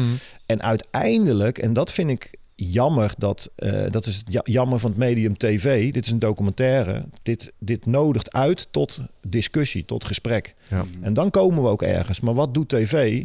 Die kort het in met 20 minuten. Haalt alle nuances weg die er ook nog in zaten. Dan wordt het snoeihard geprojecteerd. Nou, wat doet de kijkbuiskijker? Die, die zet gewoon op Twitter goed of fout. Nou, Ja. dan is het leuker om te zeggen fout, weet je wel, afvakkelen. Dan dat je de discussie aangaat. Ja. En op het moment dat je de discussie aangaat, dan wordt het in ene keer ongelooflijk waardevol. Want over diezelfde documentaire nou, geef ik veel training in het bedrijfsleven. Waarbij je dus eigenlijk twee minuten framed uit die documentaire. En en dan vraag je aan elkaar, wat, wat gebeurt hier? Wat vind je daarvan? En dan krijg je ongelooflijk interessante discussies. Hm. En op dat moment ga je leren. Dan ga je dus een, een real-life case, als het gaat over leiderschap of, of, of maakt niet uit wat. En dan ga je, oh, oh, maar zo had ik het helemaal niet gezien. Ja. En dan ga je, en dan krijg je verschillende perspectieven. En, en, en, en zo heb ik ook eigenlijk ongelooflijk weer veel geleerd van, van die ervaring. En dan, wat ik nog als laatste daarover wil zeggen. Het is eigenlijk gaat dit over hoe mensen in, in teams functioneren. Dus dit gaat eigenlijk helemaal niet over bergbeklimmen. Dit gaat gewoon, hè, want wat er gebeurt is heel herkenbaar. Je bent als groep samen, je noemt jezelf een team, je hebt een doel. Eh, je spreekt alle verwachtingen uit, je legt het contractueel vast. De club gaat lopen en op een gegeven moment kijk je achter je en de een is links afgeslagen, de ander is rechts afgegaan. En dan vraag je, wat zijn we nou aan het doen? Mhm. Het was toch helder? Ja, het was helder. Nou, blijkbaar niet. Nou, en dat gebeurt natuurlijk in de meest, meeste organisaties. Dat mensen op een gegeven moment afvragen: wat zijn we nou aan het doen? We hadden toch afspraken gemaakt enzovoort. Mhm. En dan kan je gaan zitten klagen en je kan gaan zitten wijzen. En je kan zeggen: ja, wat ik deed was goed enzovoort. Maar dan kom je er niet. Uiteindelijk is het de kunst van wat hadden we nou anders kunnen doen zonder dat we hè, elkaar dan verloren of dat soort zaken. Ja, is dat dan ook wat je bedoelt met eh, extreme expedities hebben eh, fascinerende overeenkomsten met moderne zaken doen? Absoluut, absoluut. Weet je, het is. Als je het hebt over communicatie, dat is ook zo'n lekkere term, weet je wel. Ja, we moeten ook open en transparant zijn naar elkaar. Maar ik zeg wel eens heel simpel: als wij geen goede afspraken maken, dan ga ik niet met jou aan touw zitten. Want mijn leven hangt er vanaf. Hmm. Nou, zo belangrijk is communicatie. Maar zo wordt communicatie natuurlijk helemaal niet ervaren binnen veel bedrijven. Nou, zo heb je het over doelen stellen. Zeggen ze, hebben hebben we weer met z'n doelen stellen. Ja. Zeg, maar als je geen doel stelt, dan heb je straks ook geen recht tot klagen. En mensen klagen steen en been, is mijn, is mijn ervaring een beetje. Ja. En aan de ene kant zijn we het rijkste land. Aan de andere kant eh, zijn we ook nummer twee of drie, geloof ik, van de meest klagende bevolkinggroepen die er zijn. Mm. Nou, als je het hebt dan over commitment, integer. Ja, integer, ook zo'n woord. Als ik niet integer ben, hoe, hoe kunnen mijn teamleden mij dan A helpen? En B, hoe kan ik dan iets voor hun betekenen? Ja, want ik zeg wel eens, je kunt wel op de top komen, maar als jij niet het respect krijgt van je teamleden, dan sta je in de krant en dan loopt iedereen te roepen, maar het voelt heel slecht. Omdat ik gewoon niet het respect van mijn teamleden heb. Dus misschien is dat respect onderling wel belangrijker dan die prestatie aan zich. Nou, en, en daar kom je natuurlijk in de loop der jaren achter. En vandaar dat ik zeg, het heeft fascinerend veel overeenkomsten. Want ja, iedereen die, die ziet direct die metaforen hè, op het moment ja, dat, je, dat je ergens tegenaan loopt in die expedities. Ja. En het mooie vind ik, en dat geldt natuurlijk voor jullie met vechtsport ook, dat op het moment dat je tegen je fysieke grens aankomt, dan ga je in ene keer ja, een soort, soort, soort ehm, ja, logische, ja, logische wetmatigheden of, of modellen of inzichten krijgen. Die, die je door de meest fantastische leadershipstrainingen of, of communicatietrainingen niet zou binnenkrijgen. Ja. En dat komt toch door die extremiteit. Die extremiteit, daardoor krijg je een soort andere bril op. Waardoor het in één keer glashelder wordt. Waarom wij ongelooflijk goede afspraken samen moeten maken. Want anders dan bestaan we gewoon met dit bedrijf volgend jaar ook niet meer. Ja, Klaar. het, het is grappig hoe als je de meter maar ver genoeg in het rood drijft, ehm, dat je plots wordt gedwongen tot allerlei interessante inzichten. Ik zeg wel eens, dat is waar, zoals je nu voelt, zeg maar, echt eh, gestrest en eh, vermoeid en kapot. Dit is waar voortgang woont. Als je, als je hier maar even blijft rondhangen, Klopt. hier ga je inzichten opdoen. Klopt. En of dat nou met knokken trainen of met bergbeklimmen Klopt. is. Klopt. Soms moet je gewoon even, ja, Klopt, even klopt. gas erop. Nou, weet je, die crisis, die heeft ons ongelooflijk veel gebracht. En dan zeggen mensen, nou, ik had het liever niet meegemaakt. Maar daardoor gaan we nu eindelijk respect krijgen voor de natuur. En nou, nu gaan we ageren erop. Nu gaan we innoveren, om dat dure woord dan maar te gebruiken. Maar Mm. uiteindelijk gewoon door ons gedrag aan te passen. Ja. Maar het moet wel, doordat we, weet je, schaarste, schaarste brengt je ook wat. Weet je, op het moment dat je voedselvoorraad terugloopt, dan ga je in één keer weer heel hard lopen met elkaar. Ja. Ja. Nou, en dat, dat, dat, moeten, dat moeten, moeten mensen meer vanuit een soort positieve beleving dan vanuit een negatieve. Ja, fuck joh, ik wil helemaal niet. eh, nee, ik snap wel dat je vanuit nature niet anders wil en liever op de bank zit. Ik bedoel, ik vind het ook fijn om af en toe op de bank te zitten, Ja. maar niet te lang. Hmm. Ja, Dat je dus, en dat is, dat is waar, waar, ja, wat je mensen meer zou gunnen. Om meer uit hun eigen leven te halen. Om dan, dat woord dan maar te gebruiken, uiteindelijk ook een stukje meer geluk te ervaren. En dat zit hem ook, wat jij net terecht zei, in dankbaarheid. Dat je weer dankbaar bent van, joh, dat dit feit dat dit elke dag gewoon werkt. Ding doet het, ja. Dat is alleen al ongelooflijk dankbaar, toch? Je moet het ook oefenen. Ik denk dat je... Ik ben de laatste tijd veel mee bezig. Je moet... ehm um, uh, Markie Pelagic zei het laatst ook hier de vorige gast van... Uh, vorige, een van de vorige gasten. Ja, Lekker. Je moet het geluk gewoon oefenen. En doe dat desnoods door. Ik schrijf 's ochtends en 's avonds op gewoon de Ja. dingen die goed zijn gegaan. En Ja. eh, waar je dankbaar voor bent. En dan wordt het op een gegeven moment ook Super, gewoon een super. Ja, als je die discipline kan opbrengen om dat te doen, ik denk dat dat ongelooflijk zou helpen. Want het heeft ongeveer, volgens mij heeft het, ehm, is wel onderzocht dat het ongeveer 63 of 65 dagen nodig heeft voordat iets een gewoonte wordt. Ja, Dus daarom Ja. zou je het ook gewoon moeten ja doen. klopt, klopt, klopt. Ja, En ik denk Ja, dat je op het moment als je een eh, eh, geluk ervaar je natuurlijk ook alleen maar op het moment als je even het, het ongeluk eh Ja, moet ervaren. Alleen ik denk dat de, de scheiding tussen geluk en ongelukkig voelen op zo'n berg, ja, volgens mij, eh, ja, heeft zoveel variabelen. Als het weer in één keer slecht wordt, of je ziet in één keer een donkere bui aankomen. Want het is daar echt Ja. zo dat het weer bijvoorbeeld in minuten. Ik heb een keertje op die Mount Kinabalu zag ik in Ja. één keer en Ja. gewoon alsof er een gordijn over de Ja. berg werd Ja. getrokken. Je zag Ja. niks meer en Ja. dan, je zag niet Ja. eens een hand voor Ja. je ogen. Ja. Zo'n dichte ja, mis. Ja. ja, het weer. Kijk, als wij hier omhoog kijken, denk ik, ach, weet je wel, een buitje gaan we naar binnen. Mm. Maar als je op een berg inderdaad, ik weet niet, eh, onlangs was Everest eh, in, de- in, de- in de bioscoop. Daar zie je dat ook weer. Dat is een 3D-film. Nou, dan zie je er een zwarte lucht aankomen. Op dat moment, als je die zwarte lucht ziet, denk je, het is gewoon afgelopen. Ja. Nou ja, weet je, en, en dat is de kracht van de natuur. En hetzelfde als, als Antarctica, waar je wind hebt van 300 km per uur. Ja, wij kunnen daar helemaal niks bij voorstellen. Maar dat is, dat is ook natuur. En, en, en dan besef je dus, weet je, dat je als mens... Ja, je kan alleen maar heel veel respect hebben voor die natuur. En, en dankbaar zijn dat, ja, dat die winden van 300 km per uur hier in godsnaam nog niet voorkomen. Ja, ja. Mag ik even teruggaan voor de luisteraars die ehm, eh, niet helemaal aan de berg beklimmen thuis eh, zijn? Even heel praktisch. De Mhm. berg die is 8 kilometer hoog. Waar is het basisstation waar men met een helikopter kan komen waar je afgedropt wordt? Is dat eh, een beetje de standaard van het altijd heeft? Waar Nou, je, je, loopt, je loopt er vaak naartoe, want, want helikopters, eh, zeker in dat soort landen, is vaak eh, ja, politiek gezien al, al bijna niet te doen. Hè. Is, is, Everest, ligt aan de ene kant in voormalig Tibet. Ja. Dat, dat is geannexeerd door, eh, door China. Nou, die Chinezen zetten geen helikopter in.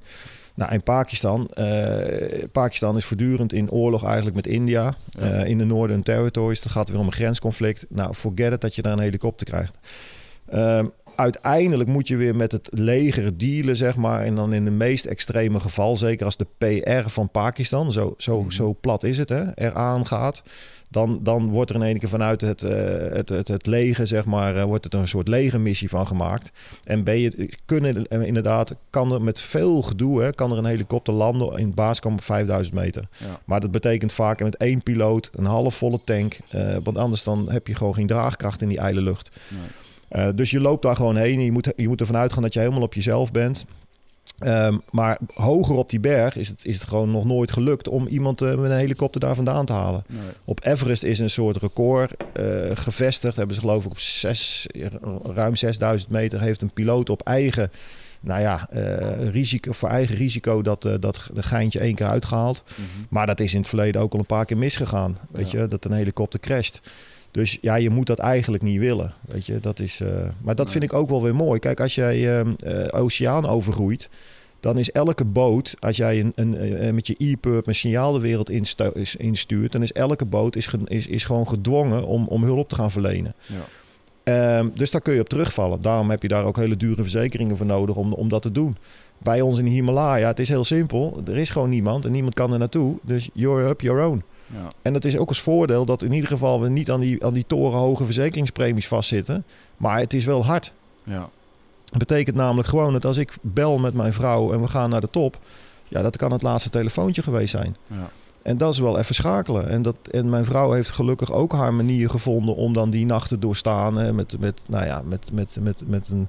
We hebben dan een, een heel mooi Boeddha-beeld, heb ik ooit uit eh, Nepal mee kunnen nemen. Nou, kaarsjes branden. Nou, kortom, alle, alle energie moet kloppen. Ja. Want als ik daar met een slecht gevoel omhoog moet klimmen, dan gaat het hem niet worden. 100%. Ja. Kan je, wil je aanhalen hoe dat zo'n laatste gesprek gaat? Ja, nou ja, weet je, je leeft daar natuurlijk maanden, soms, soms zo niet jaren naartoe. En, en zij ziet dat moment op een gegeven moment natuurlijk ook wel aankomen. En, en geloof me dat ze ook blij is als dat moment er eindelijk is. Want het is geen, geen vanzelfsprekendheid dat dat moment komt. Hè. K2, ik ben drie keer terug geweest. Dus als je alle jaren bij elkaar optelt, dan ben ik er 13 jaar mee bezig geweest. Ja. Voor Everest 10 jaar. En, en het zijn allemaal kleine stapjes. En elke keer hoop je natuurlijk, nou nu gaat het gebeuren. Maar als het er niet in zit, en dat is soms het moeilijkste wat er is, moet je dat ook accepteren en moet je teruggaan. In 2006 weet ik nog heel goed.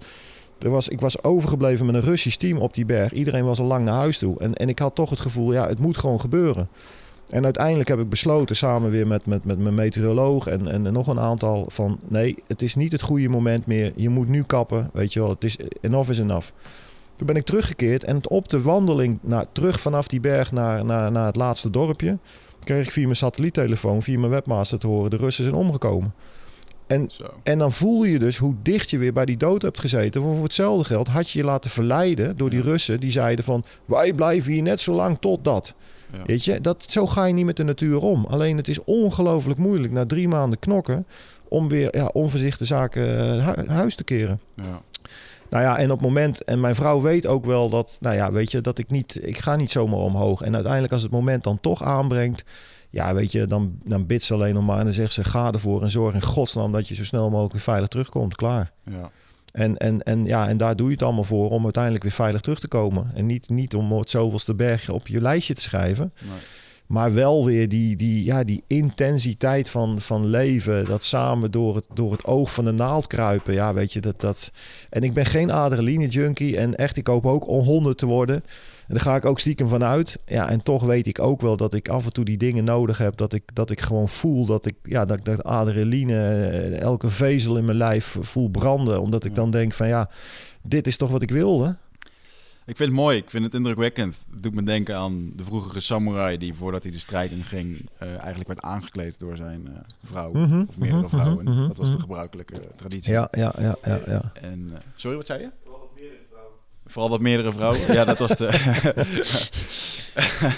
Eh, nou, nu ben jij het hele, beeld weer aan het. eh, Nee, maar dat is- dat nee, maar het is ja. eh, dat, Ja, ehm, ja, dat je daar samen achter durft te staan en samen die keuze. Dat is super krachtig. Ja, En ja, ik denk dat, ik denk dat ook eigenlijk heel erg waardevol is voor jullie relatie. Eh, dat zelfs jouw adrenaline-expedities een hele hoop goed doen. Voor dat besef van wat je hebt. Nou ja, je komt automatisch tot dat soort gesprekken van... maar wat nou als je niet terugkomt? Hmm. Weet je? En het, dat heeft gewoon... Een, ik bedoel, ik ben verhuisd naar Forst. Nou ja, weet je, dat pand stond alweer te koop... eh, op het moment dat het bijna echt misging. En, en weet je, dus, dus je, ik bedoel, ik heb ook meegemaakt... dat ik eigenlijk al, al, al, al niet meer voorkwam in, in dat boek. Nou, dat is hard hoor, om dat te ervaren, weet je wel. En tegelijkertijd is dat ook het overlevingsmechanisme. Ja. Ehm, alleen ja, je beseft dus des te malen maar weer van... wauw, weet je wel, we hebben, gewoon, we hebben gewoon weer een leven voor ons. Mhm. En dit gaat me gewoon nooit meer gebeuren. Dat zeg je natuurlijk altijd als mens, maar... Hmm. Hmm. Tot je dit doet. maar even nog even... Mag, mag, ik, mag ik hem nog even afmaken? Ja, Want tuurlijk, anders kom ik niet op de vraag. Want wat ging- erover? Je zit op die 5000 meter. eh, Ja. Vervolgens eh, je, je doet je Basiskamp. telefoontje, basiskamp. En vervolgens moet je naar boven. Ehm, je bent met een beperkt aantal mensen. Dus de voedselvoorraden. die zijn- wat eet je? Wat, hoe gaat dat in hun werk? Hoe lang doe je er nog over naar die top? Wat eet je in de tussentijd? Ja, En, nou ja, je gaat weg. Hè, en dan uiteindelijk, je moet je voorstellen, in het begin is het allemaal nog heel geciviliseerd. Je vliegt met een vliegtuig naar Pakistan. Dan ga je twee dagen met een bus naar het noorden. Dan een dag met jeeps, want ja, er zijn geen normale wegen meer. En dan ga je nog zeven dagen lopen. Dan loop je over de grootste gletsjer van de wereld. Die is 75 kilometer lang. Loop je ongeveer met 100 man. Die heb je allemaal ingehuurd. Die hebben allemaal een rugzak van eh, 30, 40 kilo. Daar zit dus je hele voedselvoorraad voor drie maanden in met acht man. Daar zitten al je tent in, je touwen, je communicatieapparatuur, je accu's, je laptops. eh, nou ja, noem het hele, hele rattenplan maar op. Die mensen krijgen overigens daar goed voor betaald. Ongeveer een half jaar salaris. Naar omstandigheden natuurlijk. Vervolgens rennen ze zo snel mogelijk weer terug naar een, eh, waar ze vandaan komen. En dan sta je daar met acht man op 5000 meter. In, in die overweldigende natuur. Hè? Want je kan, je kan niet in één oogopslag de be- berg bewonderen. Je moet wat dat betreft echt een pen maken, zeg maar, om, eh, om dan de hele berg te zien. En dan ga je beginnen. En dan voel je je in het begin, als je er aankomt, dan voel je op 5000 meter echt niet prettig. Dus je op de, ik zeg wel eens, als je op de play zit, heb je al een hartslag van 130. En dan denk je, mijn god, hoe, hoe moeten we ooit... Maar dan is het weer kleine stapjes. Denken van, joh, laten we eerst maar eens kamp 1 zien te halen. Nou, dat duurt ongeveer een week. Want je gaat eerst halverwege, moet je depot aanleggen. Nou, ga je weer terug. Nou, vervolgens haak je kamp 1. Nou, dan is een feestje. Nou, een feestje is dan een doos pringels lo- leeg eten met, eh, met vijf man. Heb je daar zin in Of op zo'n moment? man. Nou, ik ben wel trots dat je kamp 1 hebt. Want het is toch een soort mijlpaal. Dan ga je voor kamp 2. Dan ga je weer eerst wat de helft. Dan ga je weer terug naar basiskamp. Je spullen halen. Dat duurt ongeveer twee weken. Dan kamp 3 duurt ongeveer drie weken. Want je moet ook elke keer weer omhoog en weer naar beneden. Nou, dan ongeveer kamp 4. Daar ben je een week of 4, 5 mee bezig. Ja, en dan hoop je een moment te vinden met je meteoroloog... waarop het windstil wordt op die hoogte... om naar die hoogte te kunnen klimmen. Nou, en dat is wel een uiterst precair moment. Want ja, soms is het niet eh, een kwestie van het wordt windstil. Ja, wat doe je dan als het windkracht 5 voorspeld wordt? Weet je, en, en je krachten lopen wel achteruit. Het is niet zo dat je daar maar oneindig kan blijven zitten. Want ik zeg wel eens, het lichaam is een soort leeglopend vat. Dat op het moment dat je daar komt, zit je bomvol van energie. En je vet en, en de koolhydraten, alles klopt. Dan kom je daar en dan ga je gewoon spiermassa verbranden. Door het feit dat er een tekort aan zuurstof is, gaat je lichaam namelijk eerder kiezen voor spierverbranding dan voor vetverbranding. Want voor vetverbranding heb je extra zuurstof nodig. En die is er niet. Dus je vreet als het ware je eigen lichaam op. Je wordt katabol. Ja, Ja. dus en het voel je ook echt wel hoor. Alleen je mentaliteit wordt steeds groter. Want je, wordt, je gaat vertrouwen, denk je, ik ga het me toch eh, niet laten. Maar je voelt gewoon hoe moeizaam het op een gegeven moment is. En ik heb voor mezelf uitgevonden dat ik ongeveer een week tot vijf, maximaal zeven nodig heb. ehm, om uiteindelijk echt volledig geacclimatiseerd te zijn om naar boven de acht kilometer te kunnen klimmen. Hmm. Als ik het eerder dan die vijf weken doe, dan kan ik het echt vergeten. Nee, daar heb ik de kracht niet voor. Als ik het na zeven weken doe, ook niet meer. Want dan heb je te veel spiermassa verloren.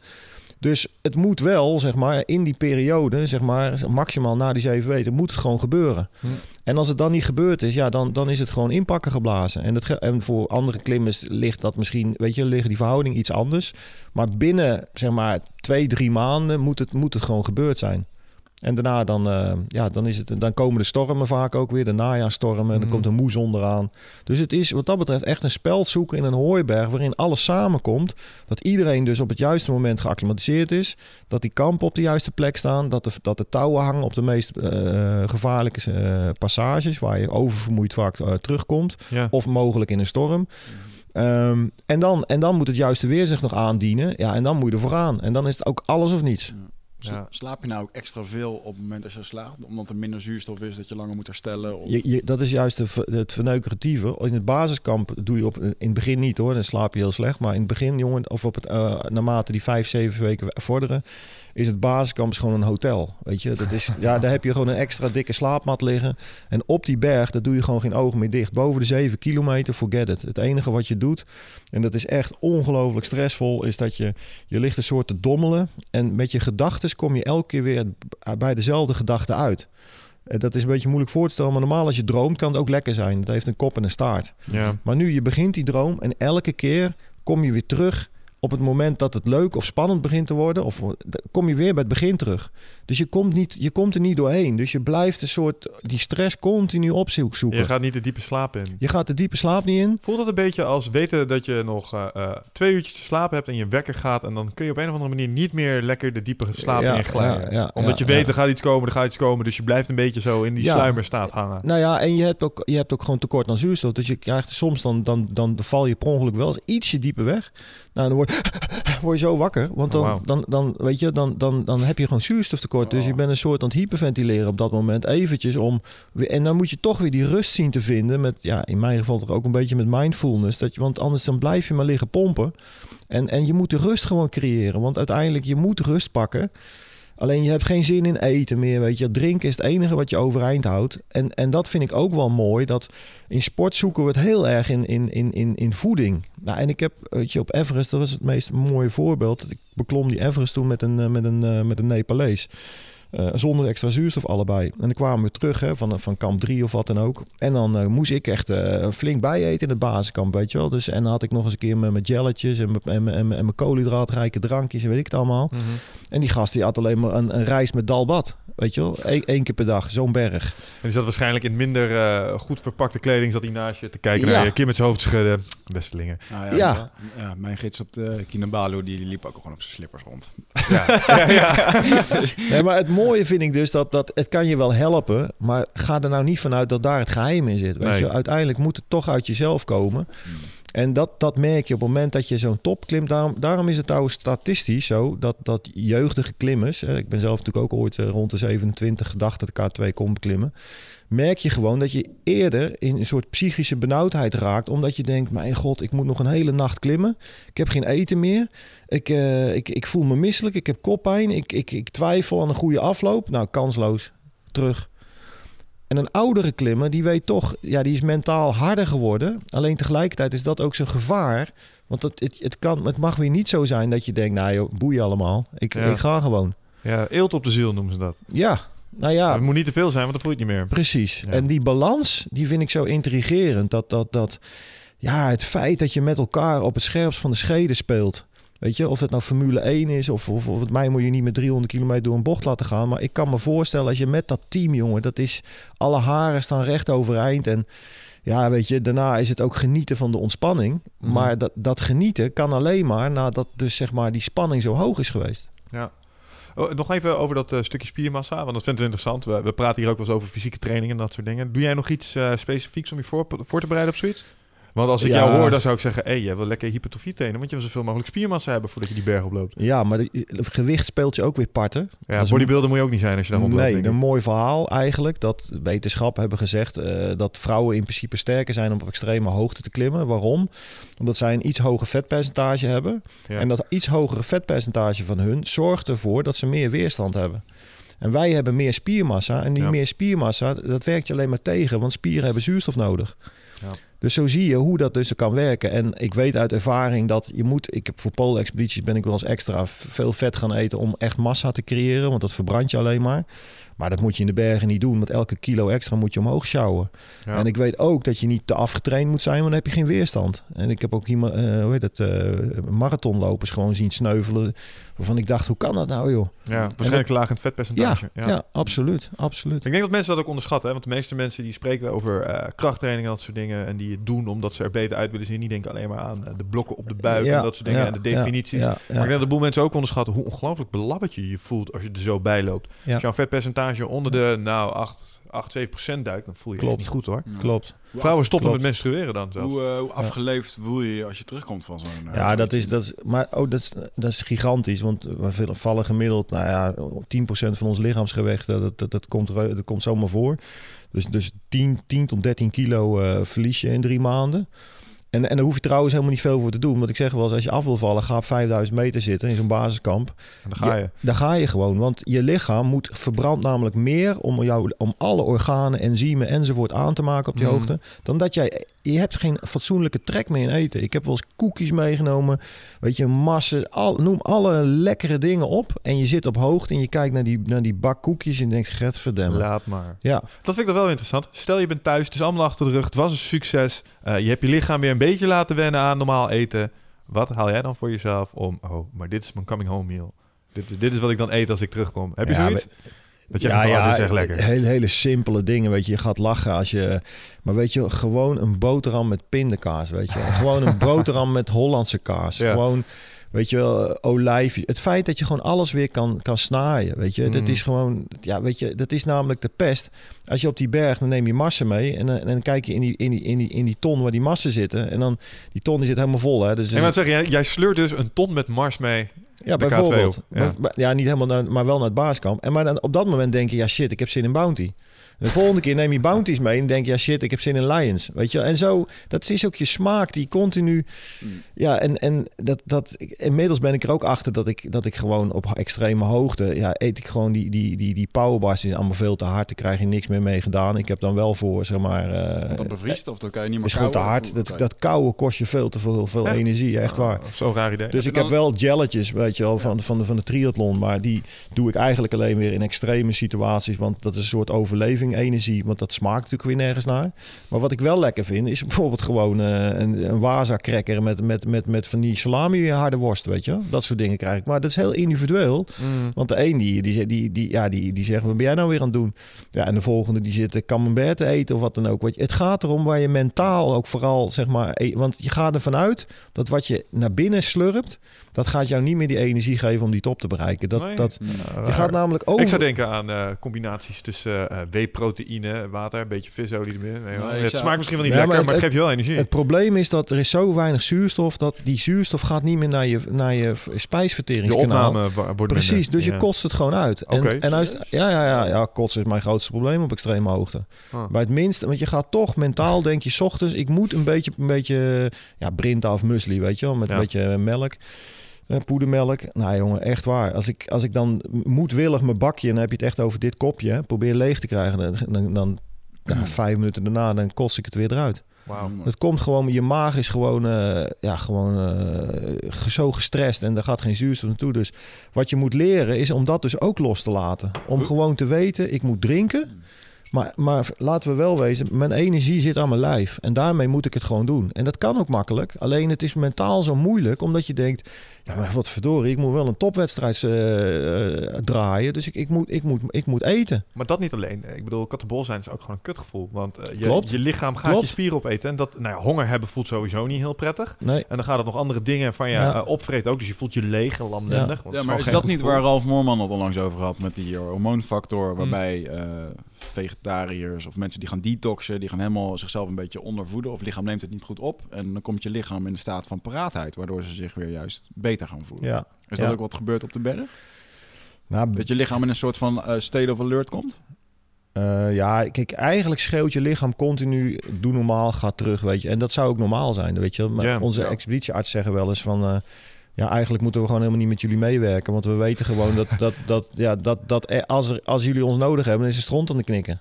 Ja. Weet je? Dus, dus, maar ja, we weten toch dat jullie eigenwijs genoeg zijn om toch te gaan. Dus, we komen maar mee. Dus, dus we willen dan wel, weet je. Maar wees, eh, begrijp wel dat er maar heel, heel minimaal dingen gedaan kunnen worden... om, om jou nog, eh, ja, zeg maar zeggen, te redden. Ja. Ehm, dus, dus ja, in feite doe je iets wat eigenlijk ja, niet, niet menselijk is. Ik bedoel, een mens hoort ook niet eh, met een tekort aan zuurstof eh, te klimmen. Alleen ja, weet je, de mens is natuurlijk toch zo nieuwsgierig. Daarom doen we ook een diepzeeduik en allerlei andere gekkigheid.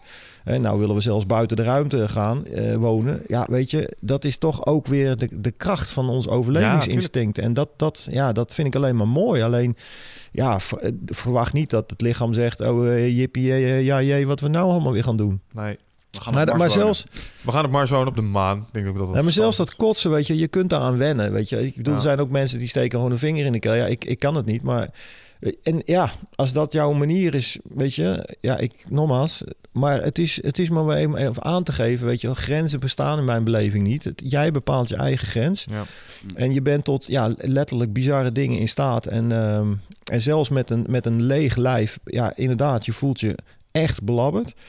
Je hebt gewoon niet geslapen. Je, je kunt zelfs aan de adem ruiken. eh, Een, een, een soort ammoniaklucht, zeg maar. Het Ja. feit dat jij je spieren Ja, aan het verbranden bent. En, en maar toch weet ik, ik kan over dat dieptepunt heen komen. En als ik twee uur later aan het klimmen ben en de zon komt op, ja, dan, dan denk ik, wauw, weet je, dat, dat Ja.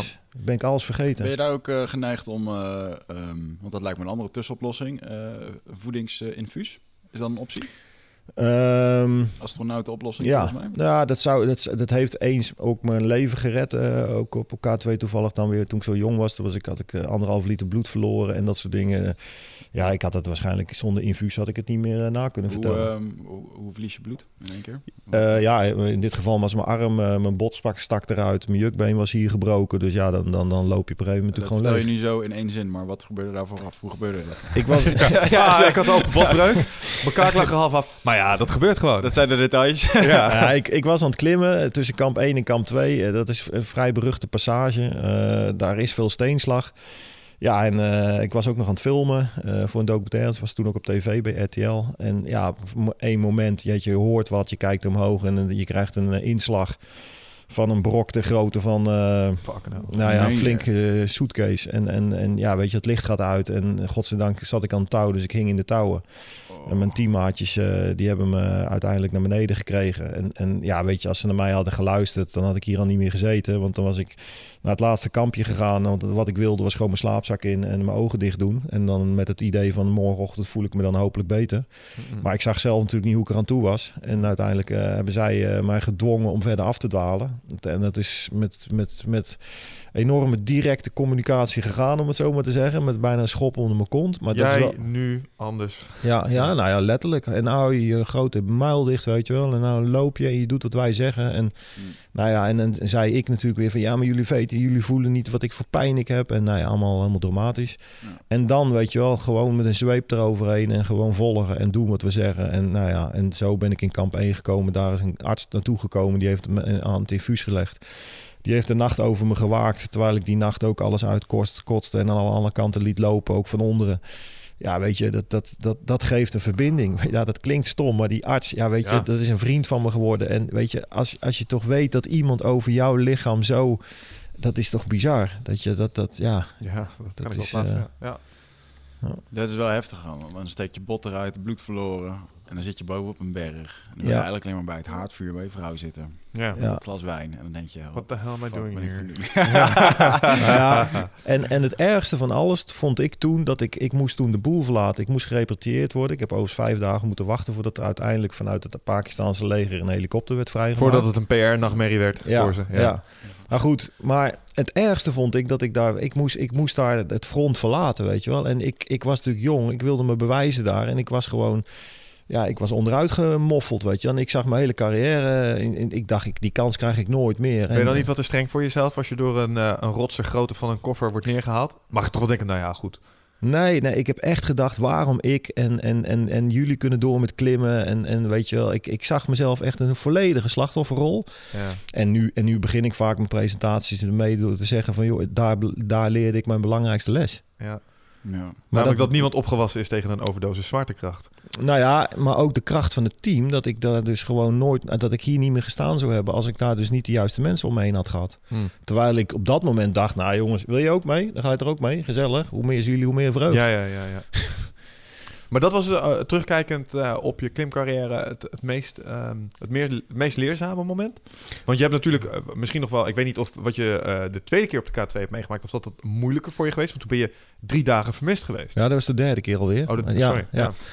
Ja, nee, kijk, dat, dat was de absoluut. Kijk, dat, dat, daar was ik echt volledig out of control. Dat de eerste keer was ik natuurlijk misschien ook wel even out of control. Maar toen was echt de situatie als je in je eentje letterlijk een zwart gapend gat inkijkt en er is niemand meer om je heen. Weet je, je, je- ja, je, je kunt helemaal niets meer.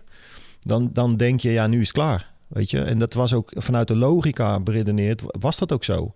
Ik bedoel, er kan geen helikopter. Ik heb tot bizar aan toe met een satelliettelefoon aan mijn vrouw nog zitten bellen. Ja, want dat wilde ik net eens even zeggen. Jij hebt dus toen je daar vermist bent geweest, dus je wist niet waar je was, je zat in het donker, je was daar kapot aan het gaan. Is het toch nog gelukt om via de satelliettelefoon je vrouw Ja, aan de lijn te krijgen? ja. Dat lijkt me echt heel moeilijk. Nou ja, dat, dat was het ook. Want uiteindelijk eh, via de media was er al zo bekend ge- geworden dat het goed mis was op die berg. Ja. Ja, en eh, zij wisten al op een gegeven moment, ging op internet al eh, de verhalen te ronden dat ik het nooit meer zou kunnen overleven. Want er waren er al meerdere omgekomen en het was toen al eh, de derde nacht aan het worden. En zij weet nog van niks. Nou ja, ze wist via de media, elf klimmers zijn niet teruggekeerd in het basiskamp. Nee, maar ze wist niks van jou, ze had nog niks gehoord, Nee, dus zij nee, zit in nee. ongewisse thuis. Nee, ja, ze heeft vanaf de top gehoord dat we staan op de top. En, en, en, en dus, dus hè, het, het ging de wereld al in het goede nieuws dat de expeditie geslaagd was. Maar zij weet vanuit ervaring van ja, hou je kop er nou maar bij. Want ik, ik word pas blij als je beneden bent. Ja, ja. Nou, en dat, dat telefoontje kwam niet meer, totdat ik uiteindelijk eh, vermist was.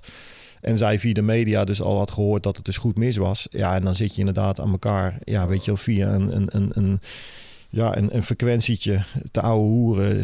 10.000 kilometer verderop, zij hier in de comfort, weet je, met, met Teun in mijn geval. Of in ons geval was dat eh, onze zoon eh, van, van zeven maanden oud toen. Eh, en ik ergens op drie kilo, wat zeg ik, bijna 8500 meter hoogte in de dead zone. Ehm, ja, weet je, en, en dat, dat is bijna niet voor te stellen natuurlijk wat voor nachtmerrie dat voor, een- wat een, voor een vrouw moet zijn natuurlijk. Ik bedoel, je ziet je toekomst in je handen en tegelijkertijd weet je van ja, wat, wat, wat, wat is dit nou nog waard en hoe moet ik nu hier nu mee verder? En Maar- je geen kracht? Ja, het gaf me enorm veel kracht, want uiteindelijk zeg ik, en dat is maar lastig te begrijpen, maar je wordt niet eens boos tijdens dat telefoongesprek. Je begrijpt... Van, waarom stoor je me op mijn werkschat? Weet je, je weet dat ik druk Nee, ben met iets. Maar mensen denken toch van fuck, klootzak, zie je nou wel wat je nou... Wat je Oh, nou, zo, ja, ja, ja, natuurlijk. Maar dat, dat was dus gewoon echt niet aan de hand. En weet je, ja, je, je, je bent alleen maar een oplossing aan het zoeken. Dus Mhm. hij vroeg me, wat zie je, weet je wel? Nou, ik zeg, ik zie Broadpeak, dat is een berg aan de overkant. Ze zei, oké, dan weet ik in godsnaam dat je aan de goede kant zit. Nou, weet je wel, en dan zei ik nog van, ja, natuurlijk zit ik aan de goede kant. Weet je, wel. ja, nee, maar... Weet wel wat ik doe. Ja, Zo Ik ben pas drie dagen zoeken. ja, nee, maar goed. En ja, weet je, uiteindelijk hang je op met, met, want je weet ook dat anders je accu binnen een half uur leeg is. Dus, dus ik zeg, joh, over 24 uur bel ik, je, bel ik je weer op. En ik laat het er niet bij zitten, weet je wel. En je moet aan Teun denken, weet je wel, vecht voor hem. En eh, weet je, logisch, tuurlijk, en ik ga ervoor. En ik, weet je wel, ik gaf haar natuurlijk het gevoel van, joh, ik kom echt terug, weet je wel. Ik, ik zie de oplossing nu niet, maar die oplossing die komt er. En hoeveel daarvan meen je op dat moment? Of hoeveel was ook nog, nog wel... Hey, mijn, mijn vriendin zit hier aan de andere kant... en die moet ik ook nog wel een beetje geruststellen. Terwijl ik zelf misschien wel niet helemaal geloof in wat ik nu aan het vertellen ben. Zat dat erin? Nou, ik, dat is het bizarre. Ik heb altijd geloofd in, in, in, in, in dat het inderdaad niet het einde zou worden. Alleen, ja, hoe, hoe, hoe betrouwbaar is dat geloof? Hè? Ja. Dat, is, dat is natuurlijk, ik, ik denk, als, net als een powerlift, als je natuurlijk een, een tiende van een seconde trekt, denkt van ja, het gaat me niet meer lukken, dan gaat het je ook niet meer lukken. Dus ik heb daar wel, alleen het, dan vervolgens gebeurt het bizarre. Je weet als klimmer dat je never nooit je ogen dicht moet doen, want dan is het gewoon klaar. Je valt Is dat zo? ja, je, je bent, je bent, het is hetzelfde als als je ongelooflijk moe of met te veel borrels achter het stuur zit. Ja. Pleur je ouders je ogen gewoon en kan je zeggen, ik, maar ik ga mijn ogen echt niet dicht doen. Dan zet je de radio nog harder, het raampje open en op een gegeven moment is het gewoon boem. Ja, uit. Ja, nou, en dat, dat, is, en dat weet je als klimmer, weet je wel, dan, dan val je in een slaap, doet verder geen pijn meer, maar je wordt niet meer wakker. Het is klaar. Ja. En uiteindelijk, ik hang op en ik verlies het bewustzijn. Wat ook gewoon logisch is, want ja, weet je, op een gegeven moment is de accu gewoon totaal leeg. Ja. Weet je wel, van het menselijk kunnen. Dus, en in mijn beleving moet dat uren hebben geduurd. Maar mijn horloge heeft om het kwartier de hoogte geregistreerd. En daarin zie je gewoon dat ik maar een half uur mijn ogen dicht heb gehad. Maar dan vervolgens kun je kunnen afvragen, maar hoe kan het dan zijn dat je toch weer, weer wakker bent geworden? En dat is voor mij ja, ook weer een, een, de kracht van het leven, blijkbaar. Dat er dus toch een soort onderbewustzijn is. Althans, dat is mijn verklaring dan maar weer. Mhm.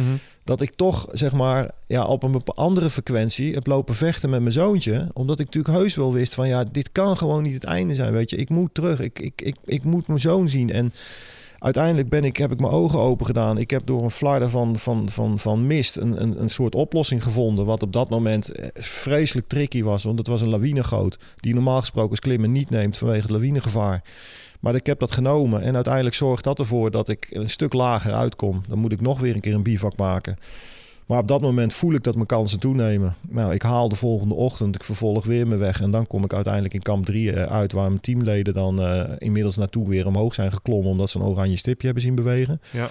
Maar dit verhaal is werkelijk zo ongelooflijk bizar. Want weet je, als, ik, als het nergens toe geleid had, dan, dan had het ook kunnen gebeuren.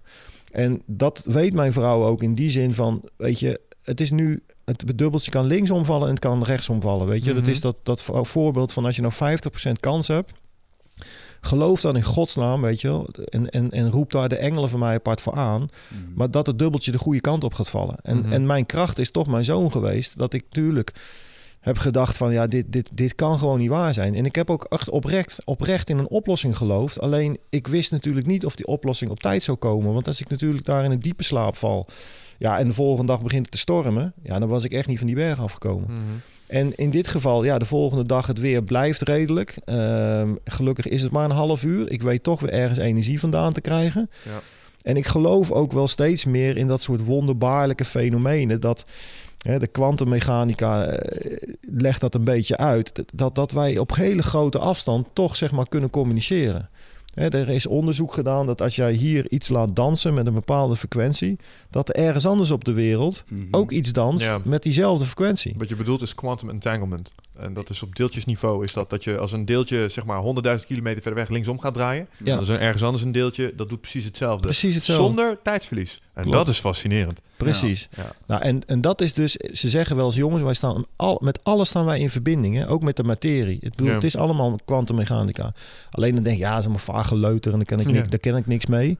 Maar op het moment dat je daar toch iets meer van zou geloven, dat we echt in verbinding staan met elkaar, ook jij en ik, Ja. dan kunnen we op een andere manier communiceren en elkaar dus ook kracht sturen. En Ja. het kleine bewijsje, het is heel vaag, maar op het moment dat ik vermist was, gebeurden er een aantal bijzondere dingen.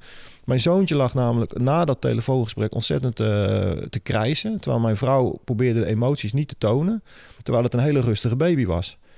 Dus ja, het- mijn vrouw zei later, het leek wel alsof hij een soort aan het afscheid nemen was van je. Mhm. Ja, ik interpreteer het weer, zeg maar, volgens mij was hij mij heel veel energie aan het sturen. Hm.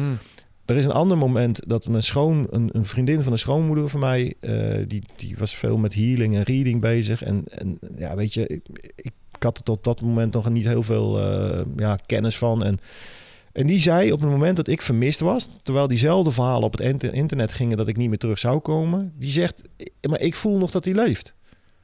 Dan moet je toch wel on- of heel erg brutaal zijn als je dat zegt, of je moet dus daadwerkelijk iets voelen. En geloven wat je zegt. Ja. En geloven. En, en ja, daar hou ik dan maar in vast. Dat, dat zelfs zo iemand die helemaal niets, die kende mij niet, heeft niks met klimmen, die vindt het waarschijnlijk mafkeizerij, die dan toch zegt op een goed moment, maar Hmm. ik maak verbinding met hem en ik voel dat hij leeft. Mhm. Nou, dat, Ja, ik vind dat heel fascinerend. Ik vind dat ook eh, soms wel moeilijk. Hoe sta jij daarin?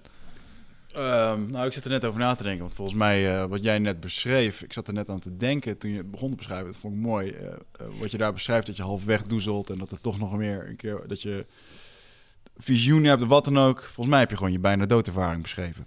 En ehm, het doet me denken aan een ehm, avontuur van Chris Ryan, wat een eh, SAS, Special Air Service, ehm, de Britse ehm, commandotroepen. ja.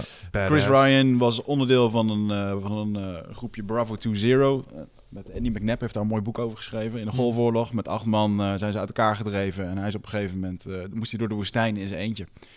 En hij heeft het eh, record afgelegd waarbij hij 300 kilometer zonder enige materie, puur alleen zijn kleren en zo. En s'nachts vriest het in die woestijn, allemaal andere weervarianten Mhm. heeft hij 300 kilometer afgelopen.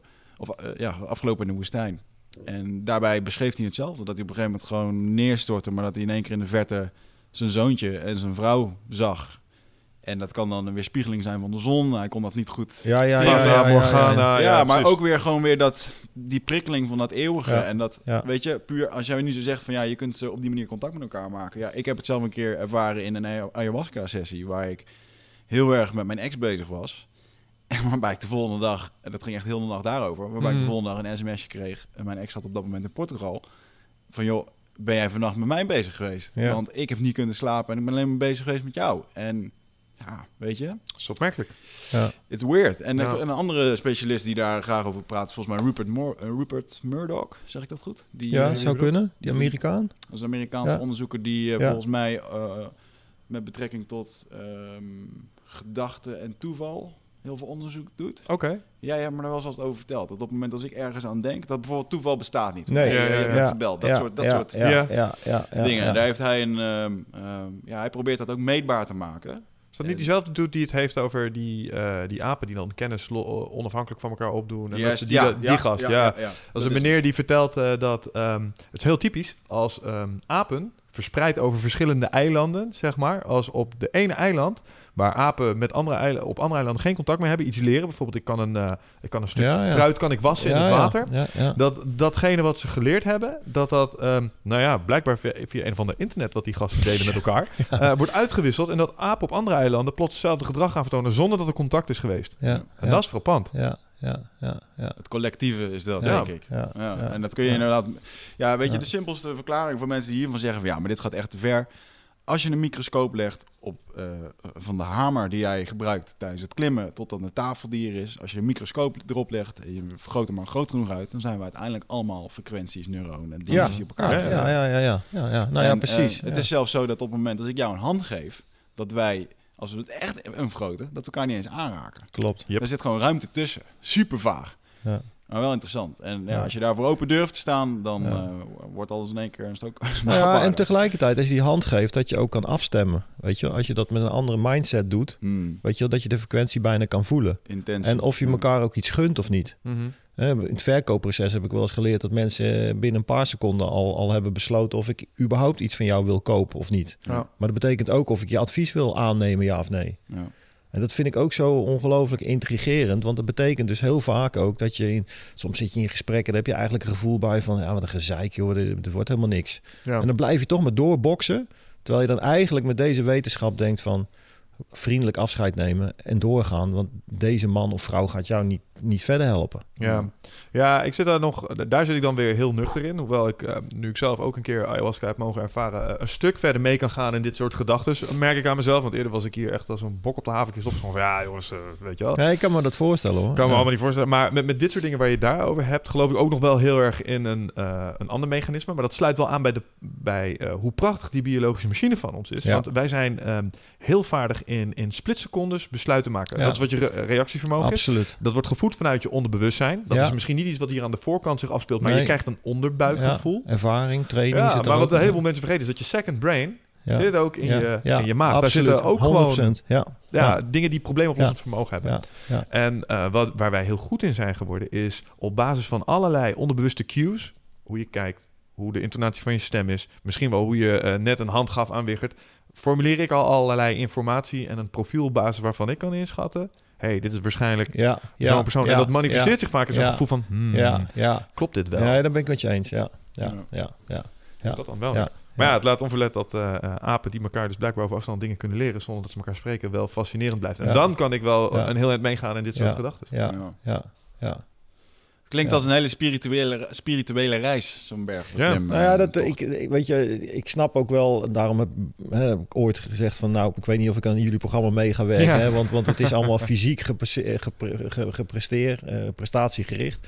Maar het is veel meer, ehm, ja, weet je, een way of life. En uiteindelijk, ja, weet je, 90% met klimmen zit gewoon tussen je oren, weet je. Het, het is, je bepaalt je eigen succes. En dat kan op het kleinste niveau, weet je. Als je, als je nu in de bediening zit en je bedient iemand, kan je ook met een glimlach eh, bedienen of niet. En waarom zou je dat doen voor die klant? Nee, voor je eigen geluk. Ja. Weet je, en als je er zo in zit, dan bepaal je voor jezelf je succes. Dat is ook op een berg.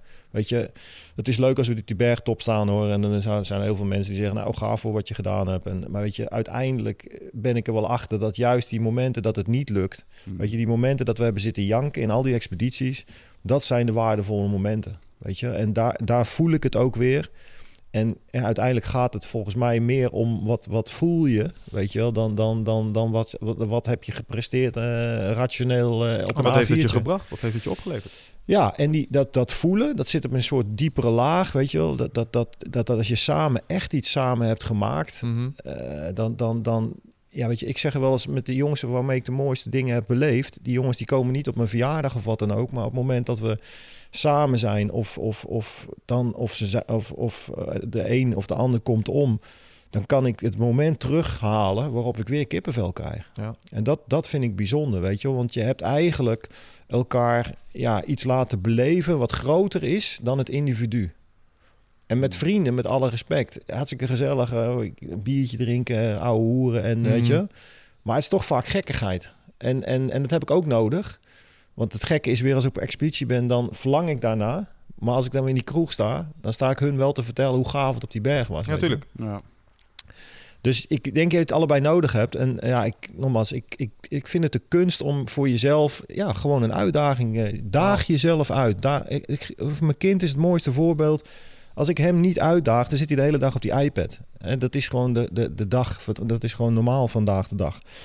Is lekker makkelijk. Het is lekker makkelijk. Maar, dus, maar met andere woorden, als ik wel de moeite neem om te zeggen... laten we gaan voetballen, laten we een tocht gaan lopen... laten we die boomhut bouwen, laten we dit... la- Hmm. dan, dan zal hij de laatste zijn die zegt: Papa, dat doe ik niet aan mee.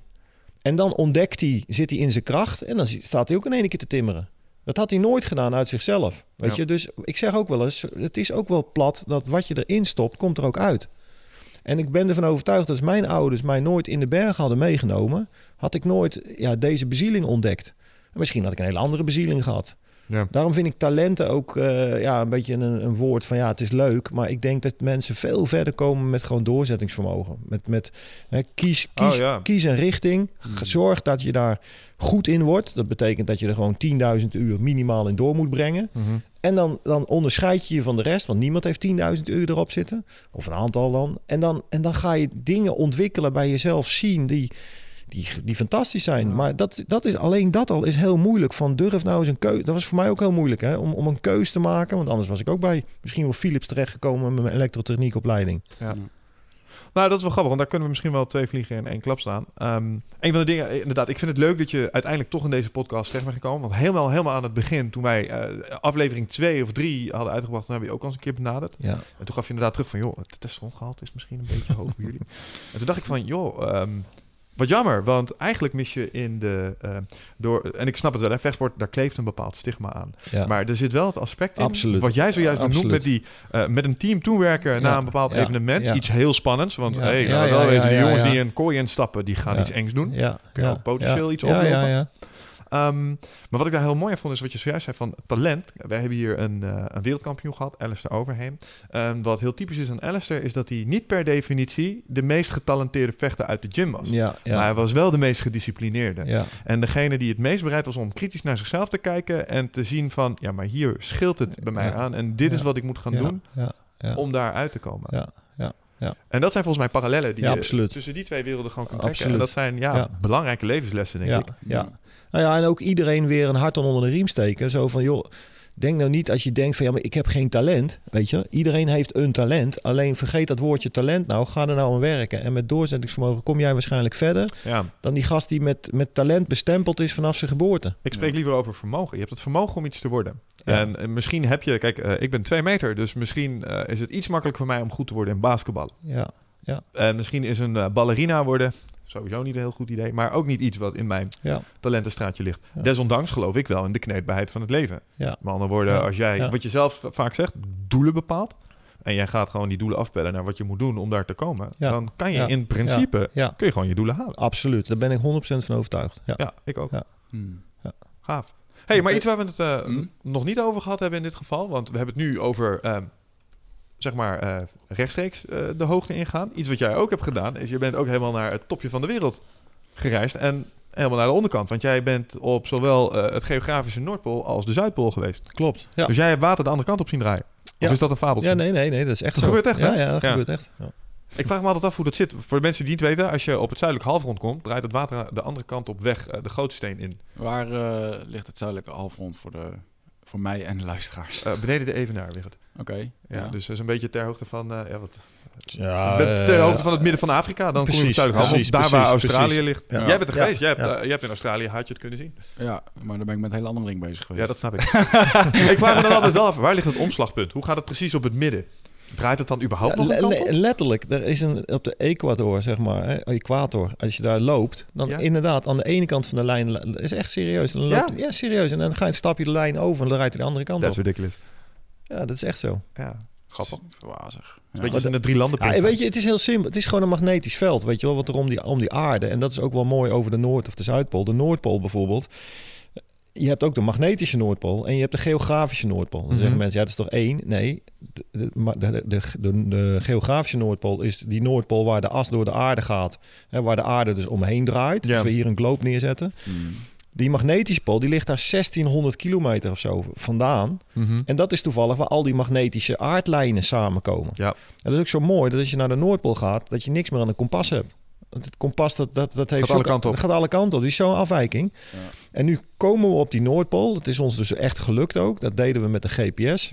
En het GPS dat gaat dan op een gegeven moment 89 graden en zoveel seconden. Ja. En op een gegeven moment dan stap je eroverheen en dan klapt die open. Want dan sta je, sta je in Siberië en dan zet je één stap weer terug. Dan sta je weer in Canada. Maar de grap is, op het moment dat je daar staat, en dat is echt gek om te beseffen. Ja, wat voor tijd is het op de wereld? Want alle tijdslijnen komen daar samen. Jij staat in alle tijdzones Ik tegelijkertijd. kom alle tijdzones tegelijkertijd. En dan nog iets. Alleen nog maar Zuid bestaat op dat moment. Oost en West bestaat niet meer. Ja. Ja. Het is natuurlijk heel gek hoe wij... ja, als je jezelf echt zo klein zou kunnen maken tot één punt. Maar ik snap wat je bedoelt. Ja. Ja, maar dat is... En dat je kompas, waar, wat je zegt altijd... eh, neem een kompas, bepaal je koers en ga op weg. ja. Nou, hoe, hoe, hoe, hoe, hoe eh, relatief wordt dit begrip? Ja. Nou, en dat, dat vind ik mooi, weet je wel. Dat, dat uiteindelijk, die, die, dat, dat je dus gaat begrijpen van... Ja, wij hebben die aarde natuurlijk als een rondje ingedeeld. Maar die aarde is helemaal niet rond. Mm.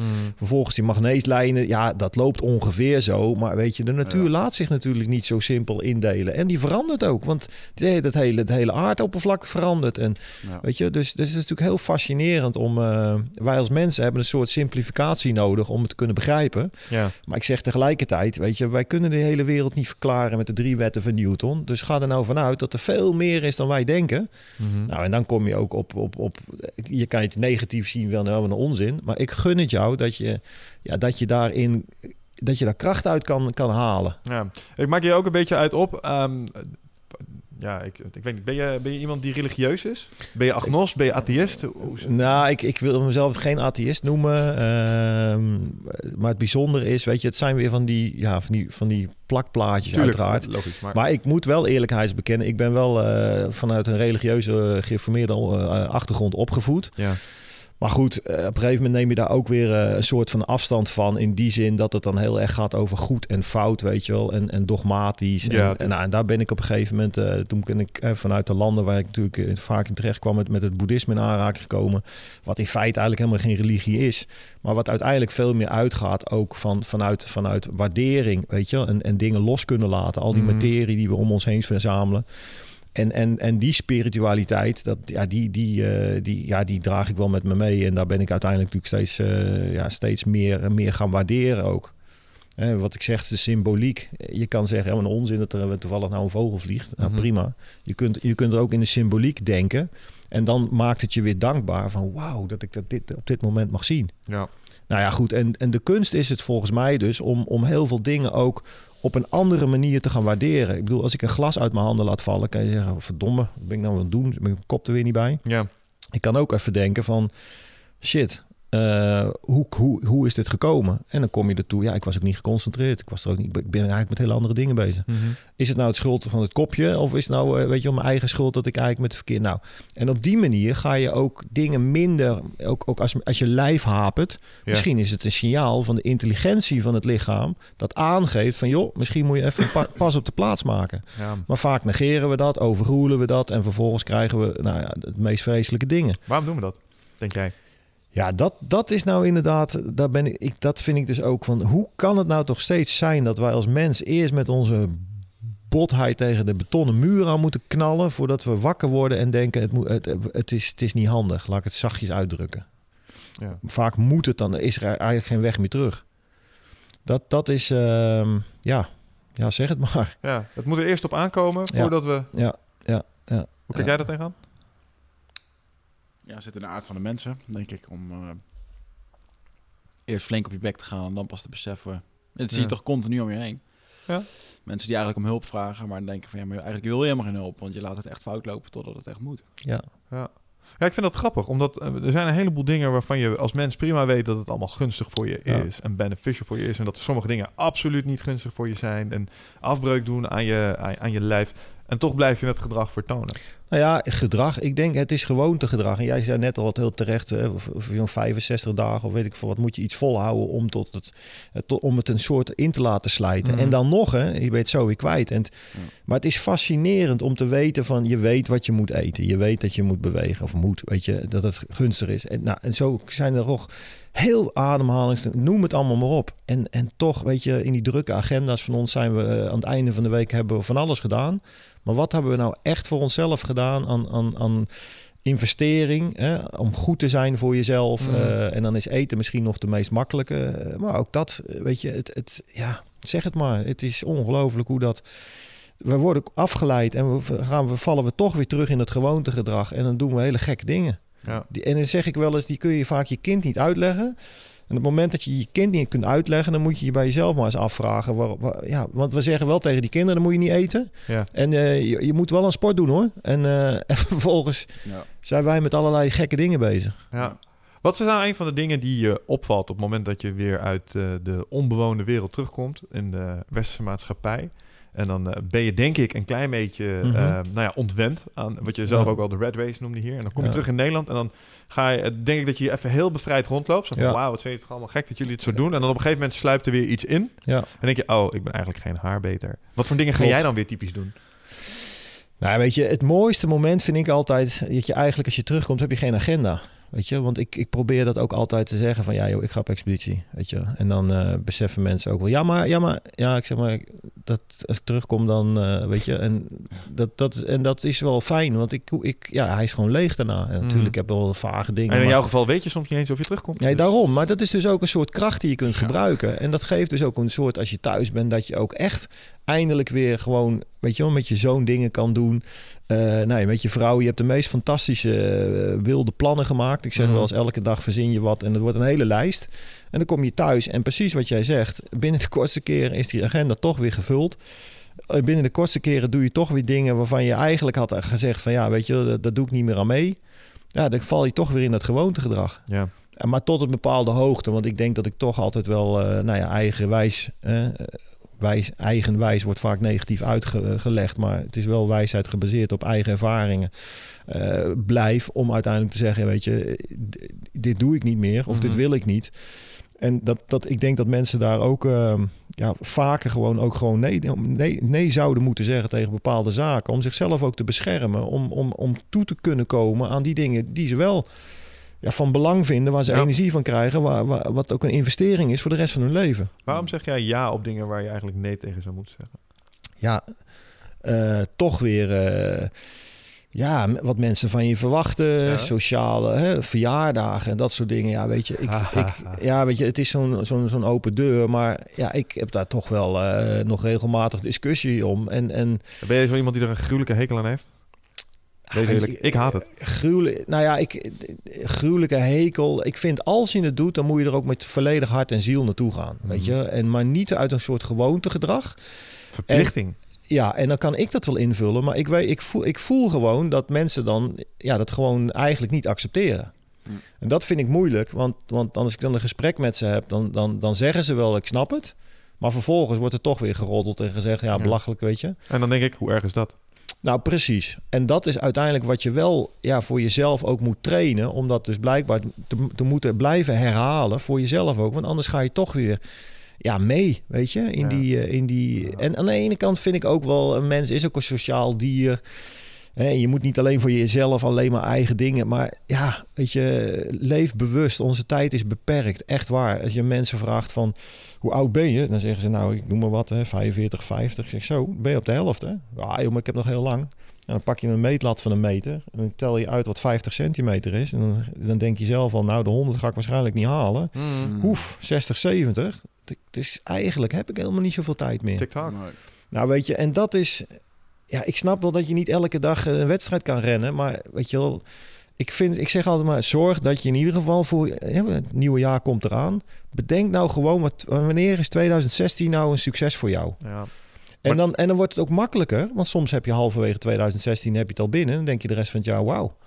Hetzelfde in een weekindeling. Ook ik maak elke keer weer de fout dat ik in maandagochtend eigenlijk niet goed genoeg bedenk. Wat wil ik nou op vrijdag bereikt hebben? Ja. En dan ben ik op die vrijdag aanbeland. En dan denk ik, ik heb wel wat dingen voor elkaar gekregen. Maar ik, ik had nog dit willen doen. Ik had dat nog willen doen. En, dat. en dan, ben ik, dan ben je, blijf je een onrustig dier.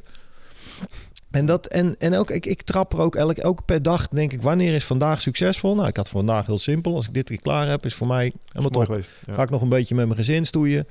En dan klaar. Maar ik had me ook zo, ja, maar dan ga ik na, dit ga ik dan dit plannen en dat plannen. En je maakt jezelf heel, en ik doe dat nogmaals.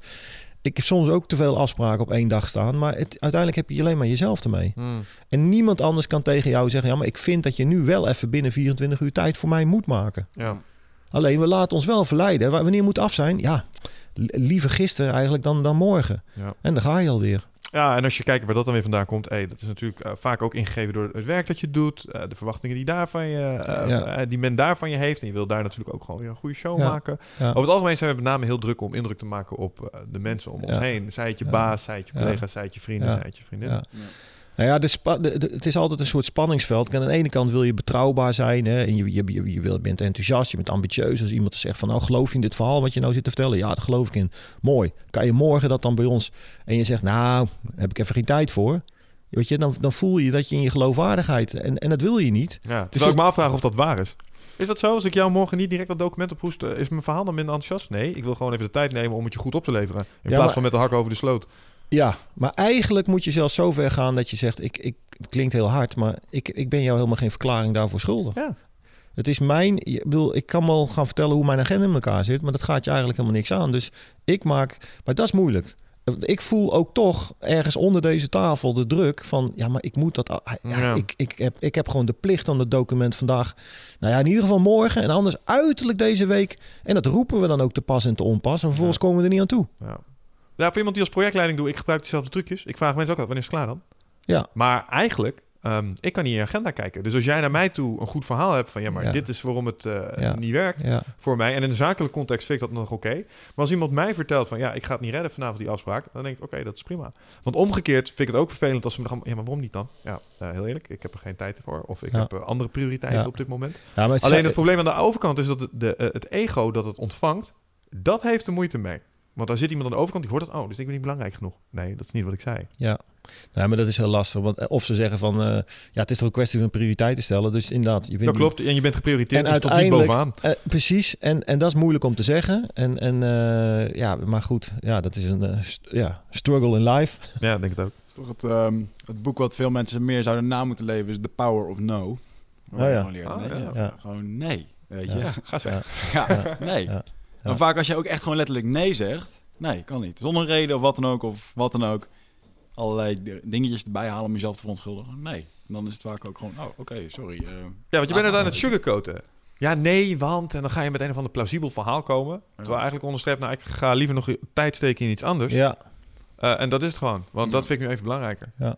En ik denk dat het heel krachtig is als je dat gewoon durft te zeggen. Want Ja. laten we wel wezen, je hebt een soort van de kosmische loterij gewonnen. Jij kan dat als geen ander voelen, want je hebt gezien hoe Mhm. fikkel en hoe, ja, eh, hoe snel het voorbij kan zijn. Dus Mhm. hoe, eh, hoe zeldzaam die minuutjes zijn. En ik denk dan, ja, maar je mag best wel kritisch zijn op hoe je die minuutjes spendeert. Ja. En ehm, daar mag je best wel, dat mag je best wel verdedigen. ja. Nou ja, weet je, het mooie is, als je op een berg zit, dan, dan, dan, dan, dan heb je niemand meer die trekt. En, en, en weet je, het is heel makkelijk om te focussen. Ja. En die focus, die brengt je ook ergens. Maar hoe moeilijk is het om in het dagelijks leven puur te focussen op, op dat ding, weet je wel, waar je, waar je mee bezig wil zijn. Want Ja. om de havenklap heb je een telefoontje, dan heb je een Facebook berichtje, dan heb je dit. Hoe moeilijk is het? En ik denk voor de jeugd nog moeilijker, weet je, die, die, die willen alles volgen. En, Ja. en, en daar, heb, daar betrap ik mezelf ook wel op. Maar eigenlijk is de truc heel simpel. Ja, want we weten zelf, als ik drie maanden weg ben geweest, ik heb niks gemist op tv. Dus dat. Want wat jij doet op het moment dat je die berg op gaat, is jezelf gewoon afzonderen. Ja, En ik denk wel eens, maar dat kan je gewoon thuis ook wel. Alleen Ja. je, moet, je moet de stekker uit je router trekken. klopt. En je moet je telefoon even uitzetten. Klopt, En, klopt. en dat wil je liever niet. Klopt. Nou, en dat is wat ik mensen, dus wat ik al eerder zei. Ga eens een week eh, in, in, in een wadden, op de Waddeneilanden zitten in een huisje. Weet je wel, mijn vrouw die doet het dan, dan, dan soms. En dat is heerlijk. Ja. Dat is heerlijk. Gewoon, weet je, jij zorgt voor het kind. Je, weet je, je zoekt het maar uit. En, eh, Succes. en, en heerlijk. Ik bedoel, weet je, dan, en, en, en als je behoefte aan hebt, dan ga je, dan, dan, dan, dan, dan ga je weet ik veel wat doen. Maar dat is, En dat gunnen we elkaar. Mensen vinden het eng, hè? Die zeggen dan letterlijk ook dan weer... Ja, wat ga je dat doen dan? Ja. Moet, moet ik daar dan iets doen? Wat ik, ik, ga, doen, ik ga gewoon eh, naar mezelf op zoek. Nou, dat vinden ze heel vaag. Ja. ja. Ja. zeker Nederlanders. ja. Hmm. En, en weet je, iedereen, joh, die zou, die zou dat... Want ik zeg wel eens, als je, dan ga je ook weer eens terug in het verleden... Hè, en daarvanuit ga je dan weer naar het heden. En nu zijn we alleen maar aan het voor aan het rennen, joh. Ja. We weet, ik weet zelf vaak al niet meer... Wat heb ik vorige week dinsdag gedaan? Jeetje, dan moet ik wel heel erg verder gaan zitten graven. Dat is toch bizar? Terwijl als ik op expeditie ben, dan, dan zit ik... Wat jij ook al zei, hou je elke dag bij. Ja. En dan zie ik ook letterlijk of ik een dag niet, wel of niet geleefd heb. Ja. En als ik hem niet, als ik niet geleefd heb, dan heb ik op een andere manier aan mezelf. eh, maar nu Ja. heb ik het idee eh, ik- dat ik weken. eh, ik heb wel geleefd, maar ik weet bij echt niet meer wat ik gedaan heb. Ik zit er net nog even over na te denken, over dat je afsluit in een huisje. Ik denk dat mensen onderschatten hoe dat ook werken is. Eh, Ja. Want het voelt als, als niks doen. Je bent niks aan het klopt, Klopt. doen. Maar nou schiet er een verhaal door mijn hoofd van eh, een, een gozer die ik begeleid heb. En die had een, een, een leuk soort interventie gedaan. Die waren met z'n allen naar een bos gegaan. En dan moesten ze 24 uur in een cirkel doorbrengen in het bos. Buiten gehoorafstand van elkaar. en telefoons inleveren en niks anders doen als in die cirkel zitten. Je had een flesje water.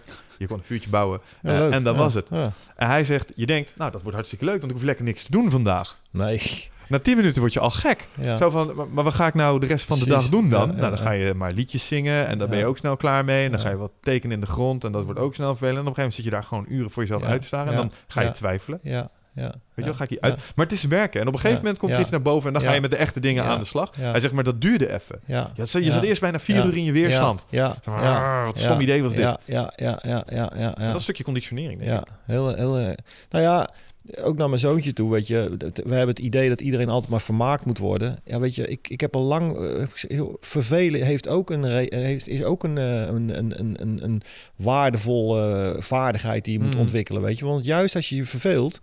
Ik kan tien dingen opnoemen, maar hij zegt op alles nee. Ja. Nou, dat heb ik afgeleerd. Ik zeg, joh, dat jij je verveelt. Papa verveelt zich ook wel eens. En dat is ook goed. Ja. Ga, maar, ga maar even vervelen. Nou, binnen vijf minuten is hij klaar. Eh, Is hij, is, gaat hij echt een boekje lezen of zo. Ja. Dus, dus, weet je, maar zelfs wij denken inderdaad dat altijd alles een soort eh, ingevuld moet kunnen worden of zo. Maar je werkt op een andere manier aan jezelf, zoals jij zegt. Ja, Ja. 100%. Aanpassing vindt plaats in de rust. Maar het is gek dat we bijna van buitenaf dat nodig hebben om dat dan te gaan doen en erachter te komen dat, eh, dat daar kracht Mm. zit. Nou, dat is misschien wel een stukje cultuur. Ja, oh ja, zeker. Nou ja, ik ben heel trots hoor op mijn cultuur. Maar inderdaad, eh, ja, soms ben ik ook heel jaloers op andere culturen. Weet je, Amerikanen, je kan zeggen wat, ze, wat je van ze vindt. Maar ja, als je het gaat, hebt over groot dromen, weet je wel. En, en, en durf een held te zijn, weet je. Ook waar we zo moeite mee hebben in Nederland. Kom op, ga in je kracht staan, man. En ga, ga, Ja, wees trots. durf ergens voor te staan. Ja. Weet je wel? En, en, en, eh, en nogmaals, soms heb ik ook een bloedhekel aan ze met al hun eh marketing verhalen en eh, weet je, maar, maar laten we weer leren van elkaar en, en, en ja, ook van de, van de Scandinavische landen, weet je, dan denk ik, ja, waarom lopen we nou hier weer het wiel uit te vinden terwijl we daar allerlei best practices eh, rondlopen? Op het gebied van... Ja, energiebeheer Oh, of, ja, of, ja. Of, of economie of, of eh, eh, arbeidssfeer, weet je wel. Eh, het, het feit dat er nu volgens mij ook behoefte is aan een soort basissalaris. Nou, dat soort eh, zaken, weet je. Mm. Ja, interessant. Ehm, even kijken. Ik heb nog een paar eh, losse vraagjes, maar we hebben een aantal van deze dingen eh, hebben inmiddels wel gecoverd. Maar eh, je bent over de hele wereld heen ben je zo'n beetje geweest nu. Hè? Je bent op alle zeven continenten heb je geklommen. Welk van de continenten of landen waar je bent geweest is je het meest bijgebleven? Omdat je denkt van wauw, wat een mooie omgeving was dat. En wat een, wat een heerlijke mensen wonen daar. En, Ja, maar dan vraag je heel veel. eh, mooie omgeving, mooie mensen. maar welk land draag je het warmste hart toe nou, op, op basis van de herinneringen die je eraan hebt? ehm, ja, het is een hele moeilijke, want het is een beetje eh, van... van Alsof je moet kiezen tussen je kinderen. nou, je moet kiezen tussen, tussen, tussen de bergenwereld en de poolwereld. Hmm. Kijk, Antarctica bijvoorbeeld en ook de Noordpool, dat, dat heeft zo'n kracht in zich. Weet, je- weet je wel, dat is, dat is... Antarctica, weet je, het is zo godschuwelijk groot. Het is, je, je- er leeft niks en dan loop je daar en, en, en er is niemand die bij je kan komen. En datzelfde gevoel heb je op die bergen. Weet je, en die bergen, die, dat is zo, zo'n, zo'n, ja, bruutheid, weet je wel. Zo'n, het feit dat de bergen überhaupt nog zo mooi zijn, is gewoon omdat de mensen dat niet kunnen aanraken. Mhm. Weet je, ik zeg wel eens, als wij hier één berg zouden kunnen bouwen, dat, dat, dat kunnen we niet eens. En daar loop je dan in een bergwereld van 8, 9 kilometer hoog, weet je wel. En die, die, Ja, die, die, dat, dat gewoon, dat, dat, je ziet daar gewoon 100 miljoen jaar in één oogopslag. En dus je voelt de nietigheid. En, en dat, heeft, dat maakt zoveel indruk. Ja. Maar datzelfde, eh, de Antarctica is voor mij ook een, een ja, weet je, eh, en ook die Noordpool. De Noordpool steeds minder, omdat het natuurlijk bijna alleen maar water is. Maar eh, Antarctica, dat is een kolossaal ijsmassa, weet je. Dat, dat, dat, dat, dat, dat is, is gr- groter dan heel Europa, hè, anderhalf keer. En dan vervolgens hè, ligt daar wel een continent onder, maar dat zie je niet, dat wordt weggedrukt. Nou, die ijsmassa die is op sommige vlakken drie kilometer dik. Gemiddeld over dat hele continent, 1800, eh, anderhalf keer Europa, 1800 meter hoog. Dat is ons hoogste continent van heel de wereld. En dan in het midden 3000, 3000 meter hoog. En dan nog toppen die op 4800 meter hoog. En als je daar dan klimt, dan zie je dus dat ijs. Maar dat ijs, dat lijkt een soort wolken.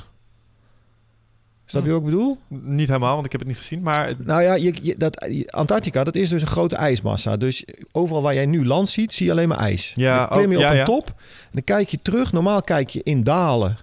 Maar nu kijk je op een soort witte massa. juist. Dat is dat ijs, maar het lijkt een soort wolkendek. Ja. Alsof je met een vliegtuigje... Nou, ik heb daar dus ook met een vliegtuigje gevlogen. Ja, je weet, je weet, je weet gewoon niet wat je ziet, joh. Want Ja. je vliegt daar en je voelt gewoon fucking hell, jongen. Als we hier naar beneden gaan, jongen. Dit, dit, is, dit is gewoon... Dit is gewoon en, en hoe groot tot, tot, tot, tot het menselijk oog kan. En, en dan nog weet je beyond. Weet je, Ja. is het allemaal... Je, wa je waant je soort in de hemel of zo. Ja, dus jij kan als geen ander mens plaatsen wat het dan betekent als die zooi allemaal zou smelten bijvoorbeeld. Want je Ja. zegt het net Ah. te- te- terecht al over de Noordpool. Ja. En een van de angsten is, joh, als, als het hier op het zuiden allemaal ook misgaat, Ja. nou, dan gaat er steeds Ja. weer iets omhoog. Ja. Als Nederlander mag Ja. je daar zorgen over maken. Ja, Ehm, behoorlijk. Ja. ja, dus eh, Ja. jij kan het dan plaatsen. En dat is Ja. misschien ook wel een beetje een probleem met de Ja. grootsheid van de wereld. Hè? Want wij denken, we zitten op een heel klein planeetje. Ja. Maar Ja. shit is huge. Ja. Ja. Nee, weet je, het is... Ik, ik bedoel, eh, ik weet bijvoorbeeld, wij hebben bepaalde veiligheidsmarges voor die dijken. Weet je, en dan denken we, nou ja, dat is nog hoog genoeg. En dan Ja. als, het, als het ietsje hoger, dan, eh, dan, dan verhogen ze weer. Maar het land wat ernaast ligt, heeft toevallig hele Dat is andere... wat ik altijd zeg. Gaan we ervan uit dat de Belgen even goed dijken kunnen bouwen als wij? Nou, en ik kan jou vertellen uit ervaring, die marges bij de Belgen zijn een stuk lager. Oké. Weet je? Dus Hoezo je- uit ervaring? nou, ik heb daar wel eens lezingen voor gegeven voor het ministerie. En dan, dan zie je dus die getallen langskomen. Oh. En dan zie je dus letterlijk van, hè? Dus de Belgen die hanteren een ander... En we hebben het dan over, wij gaan uit van 20 centimeter of 2 meter? Of- Ja, dat, die getallen heb ik niet direct paraat. Maar geloof me dat het echt eh factor anderhalf is of zo, weet je wel. Waarin, waarin zij dan lager rekenen dan wij. Oh. En wij maar denken dat we veilig zitten. Ja. En uiteindelijk komt dat water helemaal niet via ons kanaal. Maar dat komt gewoon via de buurlanden of wat dan ook. En uiteindelijk zien we in Bangladesh... die mensen moeten hun land al opgeven, weet je wel. Vanwege uiteindelijk de CO2-uitstoot van, van... ik zeg wel eens ons gedrag hangt Ja. nu daarboven. En vervolgens blijven wij in Nederland volhouden. Ja, maar dat is hun probleem. Weet je, dus ik kan niet genoeg zeggen dat je mo- moet leren om global te denken. Weet je, Mhm. als je aan het klimmen bent, dan, dan, dan, dan, dan ja, culturen. Wat nou culturen, man? Die, die, die, die culturen, die kunnen jou het leven redden. Dus, dus hoe kunnen wij nou met het vluchtelingenprobleem denken van eh, ze pakken onze baan af? Ja. Weet je, dat, dat, is, dat is werkelijk een voorbeeld van zo ja, narrow-minded, weet je wel, denken en, en kortstondig en, en ook niet vanuit de kracht van mensen denken enzovoort, weet je, alleen maar in beperkingen en belemmeringen en, en, en dat soort zaken. Ja, ehm, maar en, en dat leer ik door die natuur. Er is geen boek die dat, die, dat, die dat mij geleerd heeft, of politicus of, of, of, of wat dan ook, weet je. En Mhm. natuurlijk haal ik gelukkig uit heel veel boeken ook heel veel inspiratie. Maar het is wel ja, door die grootsheid van denken, weet je, dat, dat is volgens mij wat we in Nederland heel slecht in zijn. Lange termijn en groot, groot durven denken. Weet je, het maakt me niet uit welke beslissing we nemen. Maar durf nou eens een beslissing te nemen die over 30 jaar gaat. Waar we nu vandaag op al investeren met z'n allen. ja. In plaats van te denken, ja, maar dan zit ik straks niet meer op het plus. Vinden wij moeilijk als mensen. Nou ja, we zijn bang voor onze eigen positie. Terwijl ik dan denk, ik heb, ik heb meer respect voor een beleidsmaker of wie dan ook, weet je, die uiteindelijk het verschil maakt na 30 jaar, doordat die kan aanwijzen. Toen heb ik dat en dat gedaan, daar ben ik altijd achter blijven staan en dat heeft ons uiteindelijk dat of dat gebracht. Maar ja, hoe ageren wij? Van ja, weet je, als het vandaag niet de stemmen opbrengt die mij op de stoel houden, dan, dan neem ik afscheid van, van mijn eigen. Het is een ego-kwestie. Het is een ego-kwestie, ja. En, en we acteren alleen maar op de actualiteit. Dat, dat wil zeggen, het moment waarop we hadden moeten acteren, namelijk voordat het actua- actueel werd, Ja. dat hebben ze laten. Dat, dat verklooien we elke keer met elkaar. ja. En het, het positieve vind ik weer, want laat ik vooral weer positief zijn, is dat de kracht dus gewoon bij ons ligt tegenwoordig. Misschien al heel lang, maar die regeringen, joh, ze ageren alleen maar op de, op de, op de actualiteit. Mhm. En wij bepalen in feite, hè, als wij, ik zeg maar even heel simplistisch, op het social media iets gaan, nu gaan delen, dan, dan moeten zij gaan acteren. ja, als je- wij dingen als global warming heel belangrijk gaan vinden Precies, als mensen, precies, dan moeten ze wel. Precies, precies. Ja. En ga nou niet denken dat het van hun komt, want die visie is er niet. Hè. Rutte zegt zelfs dat visie eh, eh, een olifant is wat, wat in de weg staat. Nou, hoe, hoe, hoe ver kan je, kan je gaan? Ja, zeg je dat ja? Ja, dat heeft hij letterlijk gezegd. What an idiot. Ja, dus, dus ga er nou niet vanuit dat dat soort managers ons zeg maar, aan de toekomst gaan helpen. Wij, wat wij nodig hebben zijn gewoon langere termijn. En uiteindelijk zijn er genoeg knappe kop in Nederland die, die, die Ja. daar goede, goede ideeën over hebben. En laten we dan zorgen dat we die mensen gaan steunen. En die mensen, daar zit uiteindelijk de kracht. Ja. En dan heb je het over ja, allerlei partijen die nu grootste dingen doen. Hè, die met een langere termijn kijkt naar eh, voorbeelden als Elon Musk of, of, of, of Urgenda, die nu, weet je wel, waren allemaal gasten die allemaal ja, met iets kleins begonnen en nu wereldnieuws zijn. Ja. Dat is op zich wel fijn, want je bent een optimist. Heb je een eh, positief toekomstbeeld in dat opzicht? Ja, ik geloof absoluut in de kracht van de mensheid. Weet je, ik geloof ook dat we kunnen ontwikkelen en ons aanpassen enzovoort. Maar ik weet ook dat, ja, een gek bruggetje, maar de Neandertaler uiteindelijk uitgestorven is omdat hij te vaak te veel vast bleef houden aan zijn eigen, eigen eetpatroon. En dat de rennende mens op dat moment die opstond, weet je wel, weer slimmer was. Ja.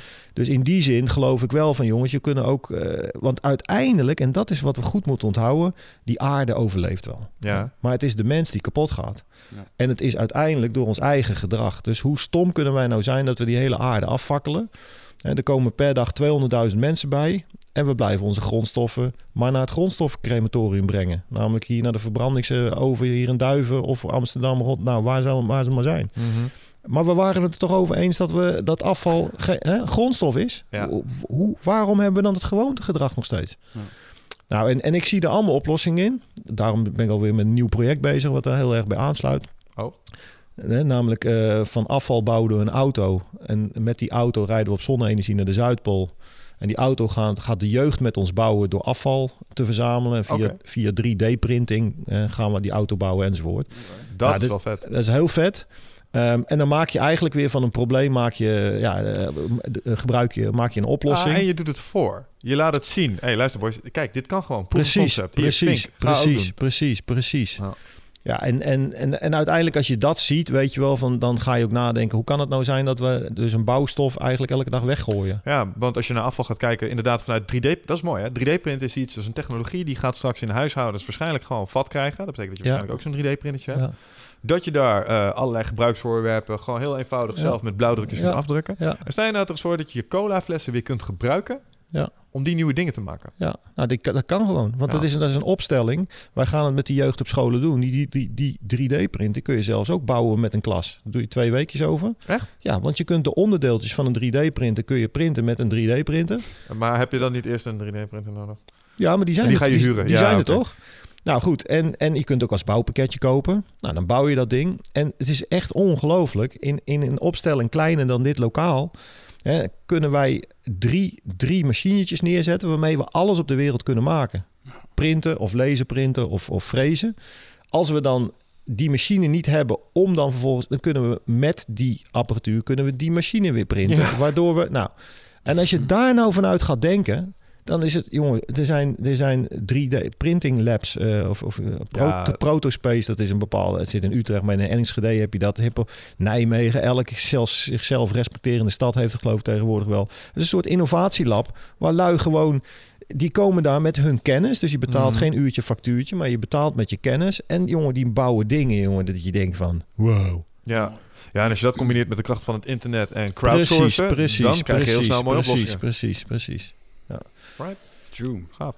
Ehm, wat een vet project. Want eh, volgens mij draag je dan wel bij aan een stukje draagvlak, maar ook een stukje kennis. Ik, ik Nou neem ja, aan en- dat het wel ook- weer in de media terecht zal komen. Ja, ja, ja. En fun, hè? Laten we dat ook niet vergeten. Want weet je, het moet ook vooral leuk zijn. Weet je, hoe, hoe vet is het om met kinderen, wij noemen dat stadsjutten, dat we gewoon in de, in de stad, hè, of Ja. op, gaan we gewoon spul verzamelen. Ligt zat. En dan krijg je hele interessante discussies, hè? Want, want wethouders en gemeentes zeggen gewoon letterlijk, ja, maar je kunt niet zomaar aan mijn plastic komen. Want aan de achterkant is het een verdienmodel geworden voor die gemeentes. Mm. Maar goed, dat gaat dan weer ver. Maar wat het uiteindelijk voor zorgt, is dat je met die kinderen dus gewoon ja, letterlijk met de mouwen opstropen een les doet die hands-on is. Waarbij je gewoon dus de natuur er ook in kan. En vervolgens verzamel je spul. Dat haal je door een shredder. Vervolgens maak je daar dus je grondstof voor, voor die kaartritjes, voor die 3D-printing. En je gaat met, met programma's als Minecraft, waar mijn zoontje van acht jaar al op zit te spelen, Mhm. ga je gewoon producten bouwen. Dat is toch ongelooflijk? Ja. De Ja, moet je nagaan. Ja. Ja, nou ja, sowieso. De, de jeugd en de leercurve met technologie tegenwoordig. Als ik kijk naar mijn neefjes, hoe handig die zijn met iPads en de- dat Ja. soort dingen. En als je Ja. die nu al in dat soort oplossingen laat denken, Ja. dan, nou ja, je had het net over, eh, je hebt een x aantal dagen nodig om bepaalde gewoontes en een bepaalde denkwijze aan te leren. Ja. Stel je voor dat je daar vanaf vandaag mee begint Ja. bij de jeugd. Ja. Die hebben een heel ander paradigma. Absoluut, 100%. Die zoeken alles op, weet je wel. En ja, laten we wel wezen, eh, ze, ze, ze- ze leren sneller, eh, ze zien meer, weet je. Dus, dus Mm. zij hebben al een heel ander referentiekader dan wij, joh. Ja, geloof ik. Gaaf. Wat zit er voor eh, Wilco nog aan te komen als het gaat om expedities?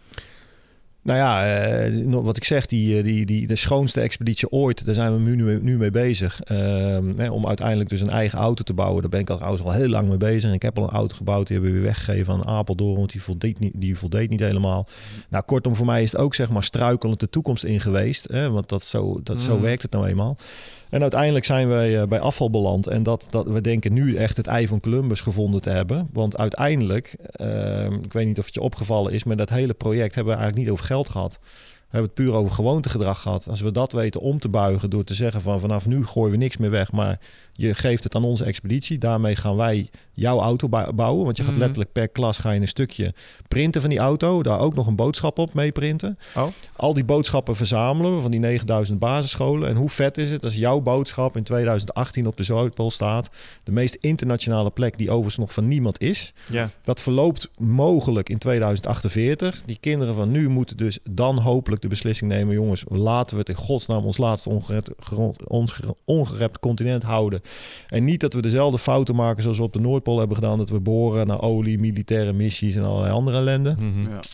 Ja, en dan, dan is die cirkel rond. En, en ja, weet je, dat is ook een, een expeditie die niet voor mij een kop en een staart heeft van nou, in 2018 is het dan klaar. Ja, weet je, ik ga ervan uit dat hieruit weer allerlei mooie dingen voortkomen. En kom erbij, help ons mee, want het is, het is uiteindelijk allemaal onze expeditie. Weet je, wij kunnen wel een autootje bouwen van A naar B rijden. Maar dan, dan kan ik zo gewoon weer een berg gaan beklimmen. Het gaat erom dat iedereen ja, zijn, zijn, zijn, zijn bijdrage daaraan zou kunnen geven. Ja. Op wat voor manier dan ook. Met kennis of met, met, met plastic. Of met... En dan, ja, dan gaan we vooral, en dat is belangrijk, gewoon heel veel lol beleven. Mhm. Want we gaan elkaar verbazen wat we allemaal kunnen.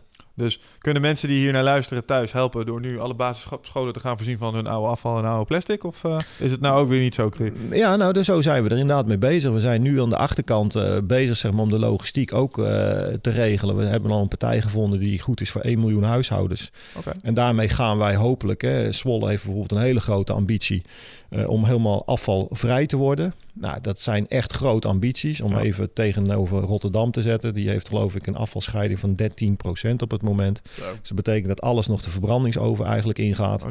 Nou, weet je, er valt een wereld te winnen. En, Ja. en, en wij, wij doen elkaar geloven hè, dat we een afvalscheiding doen.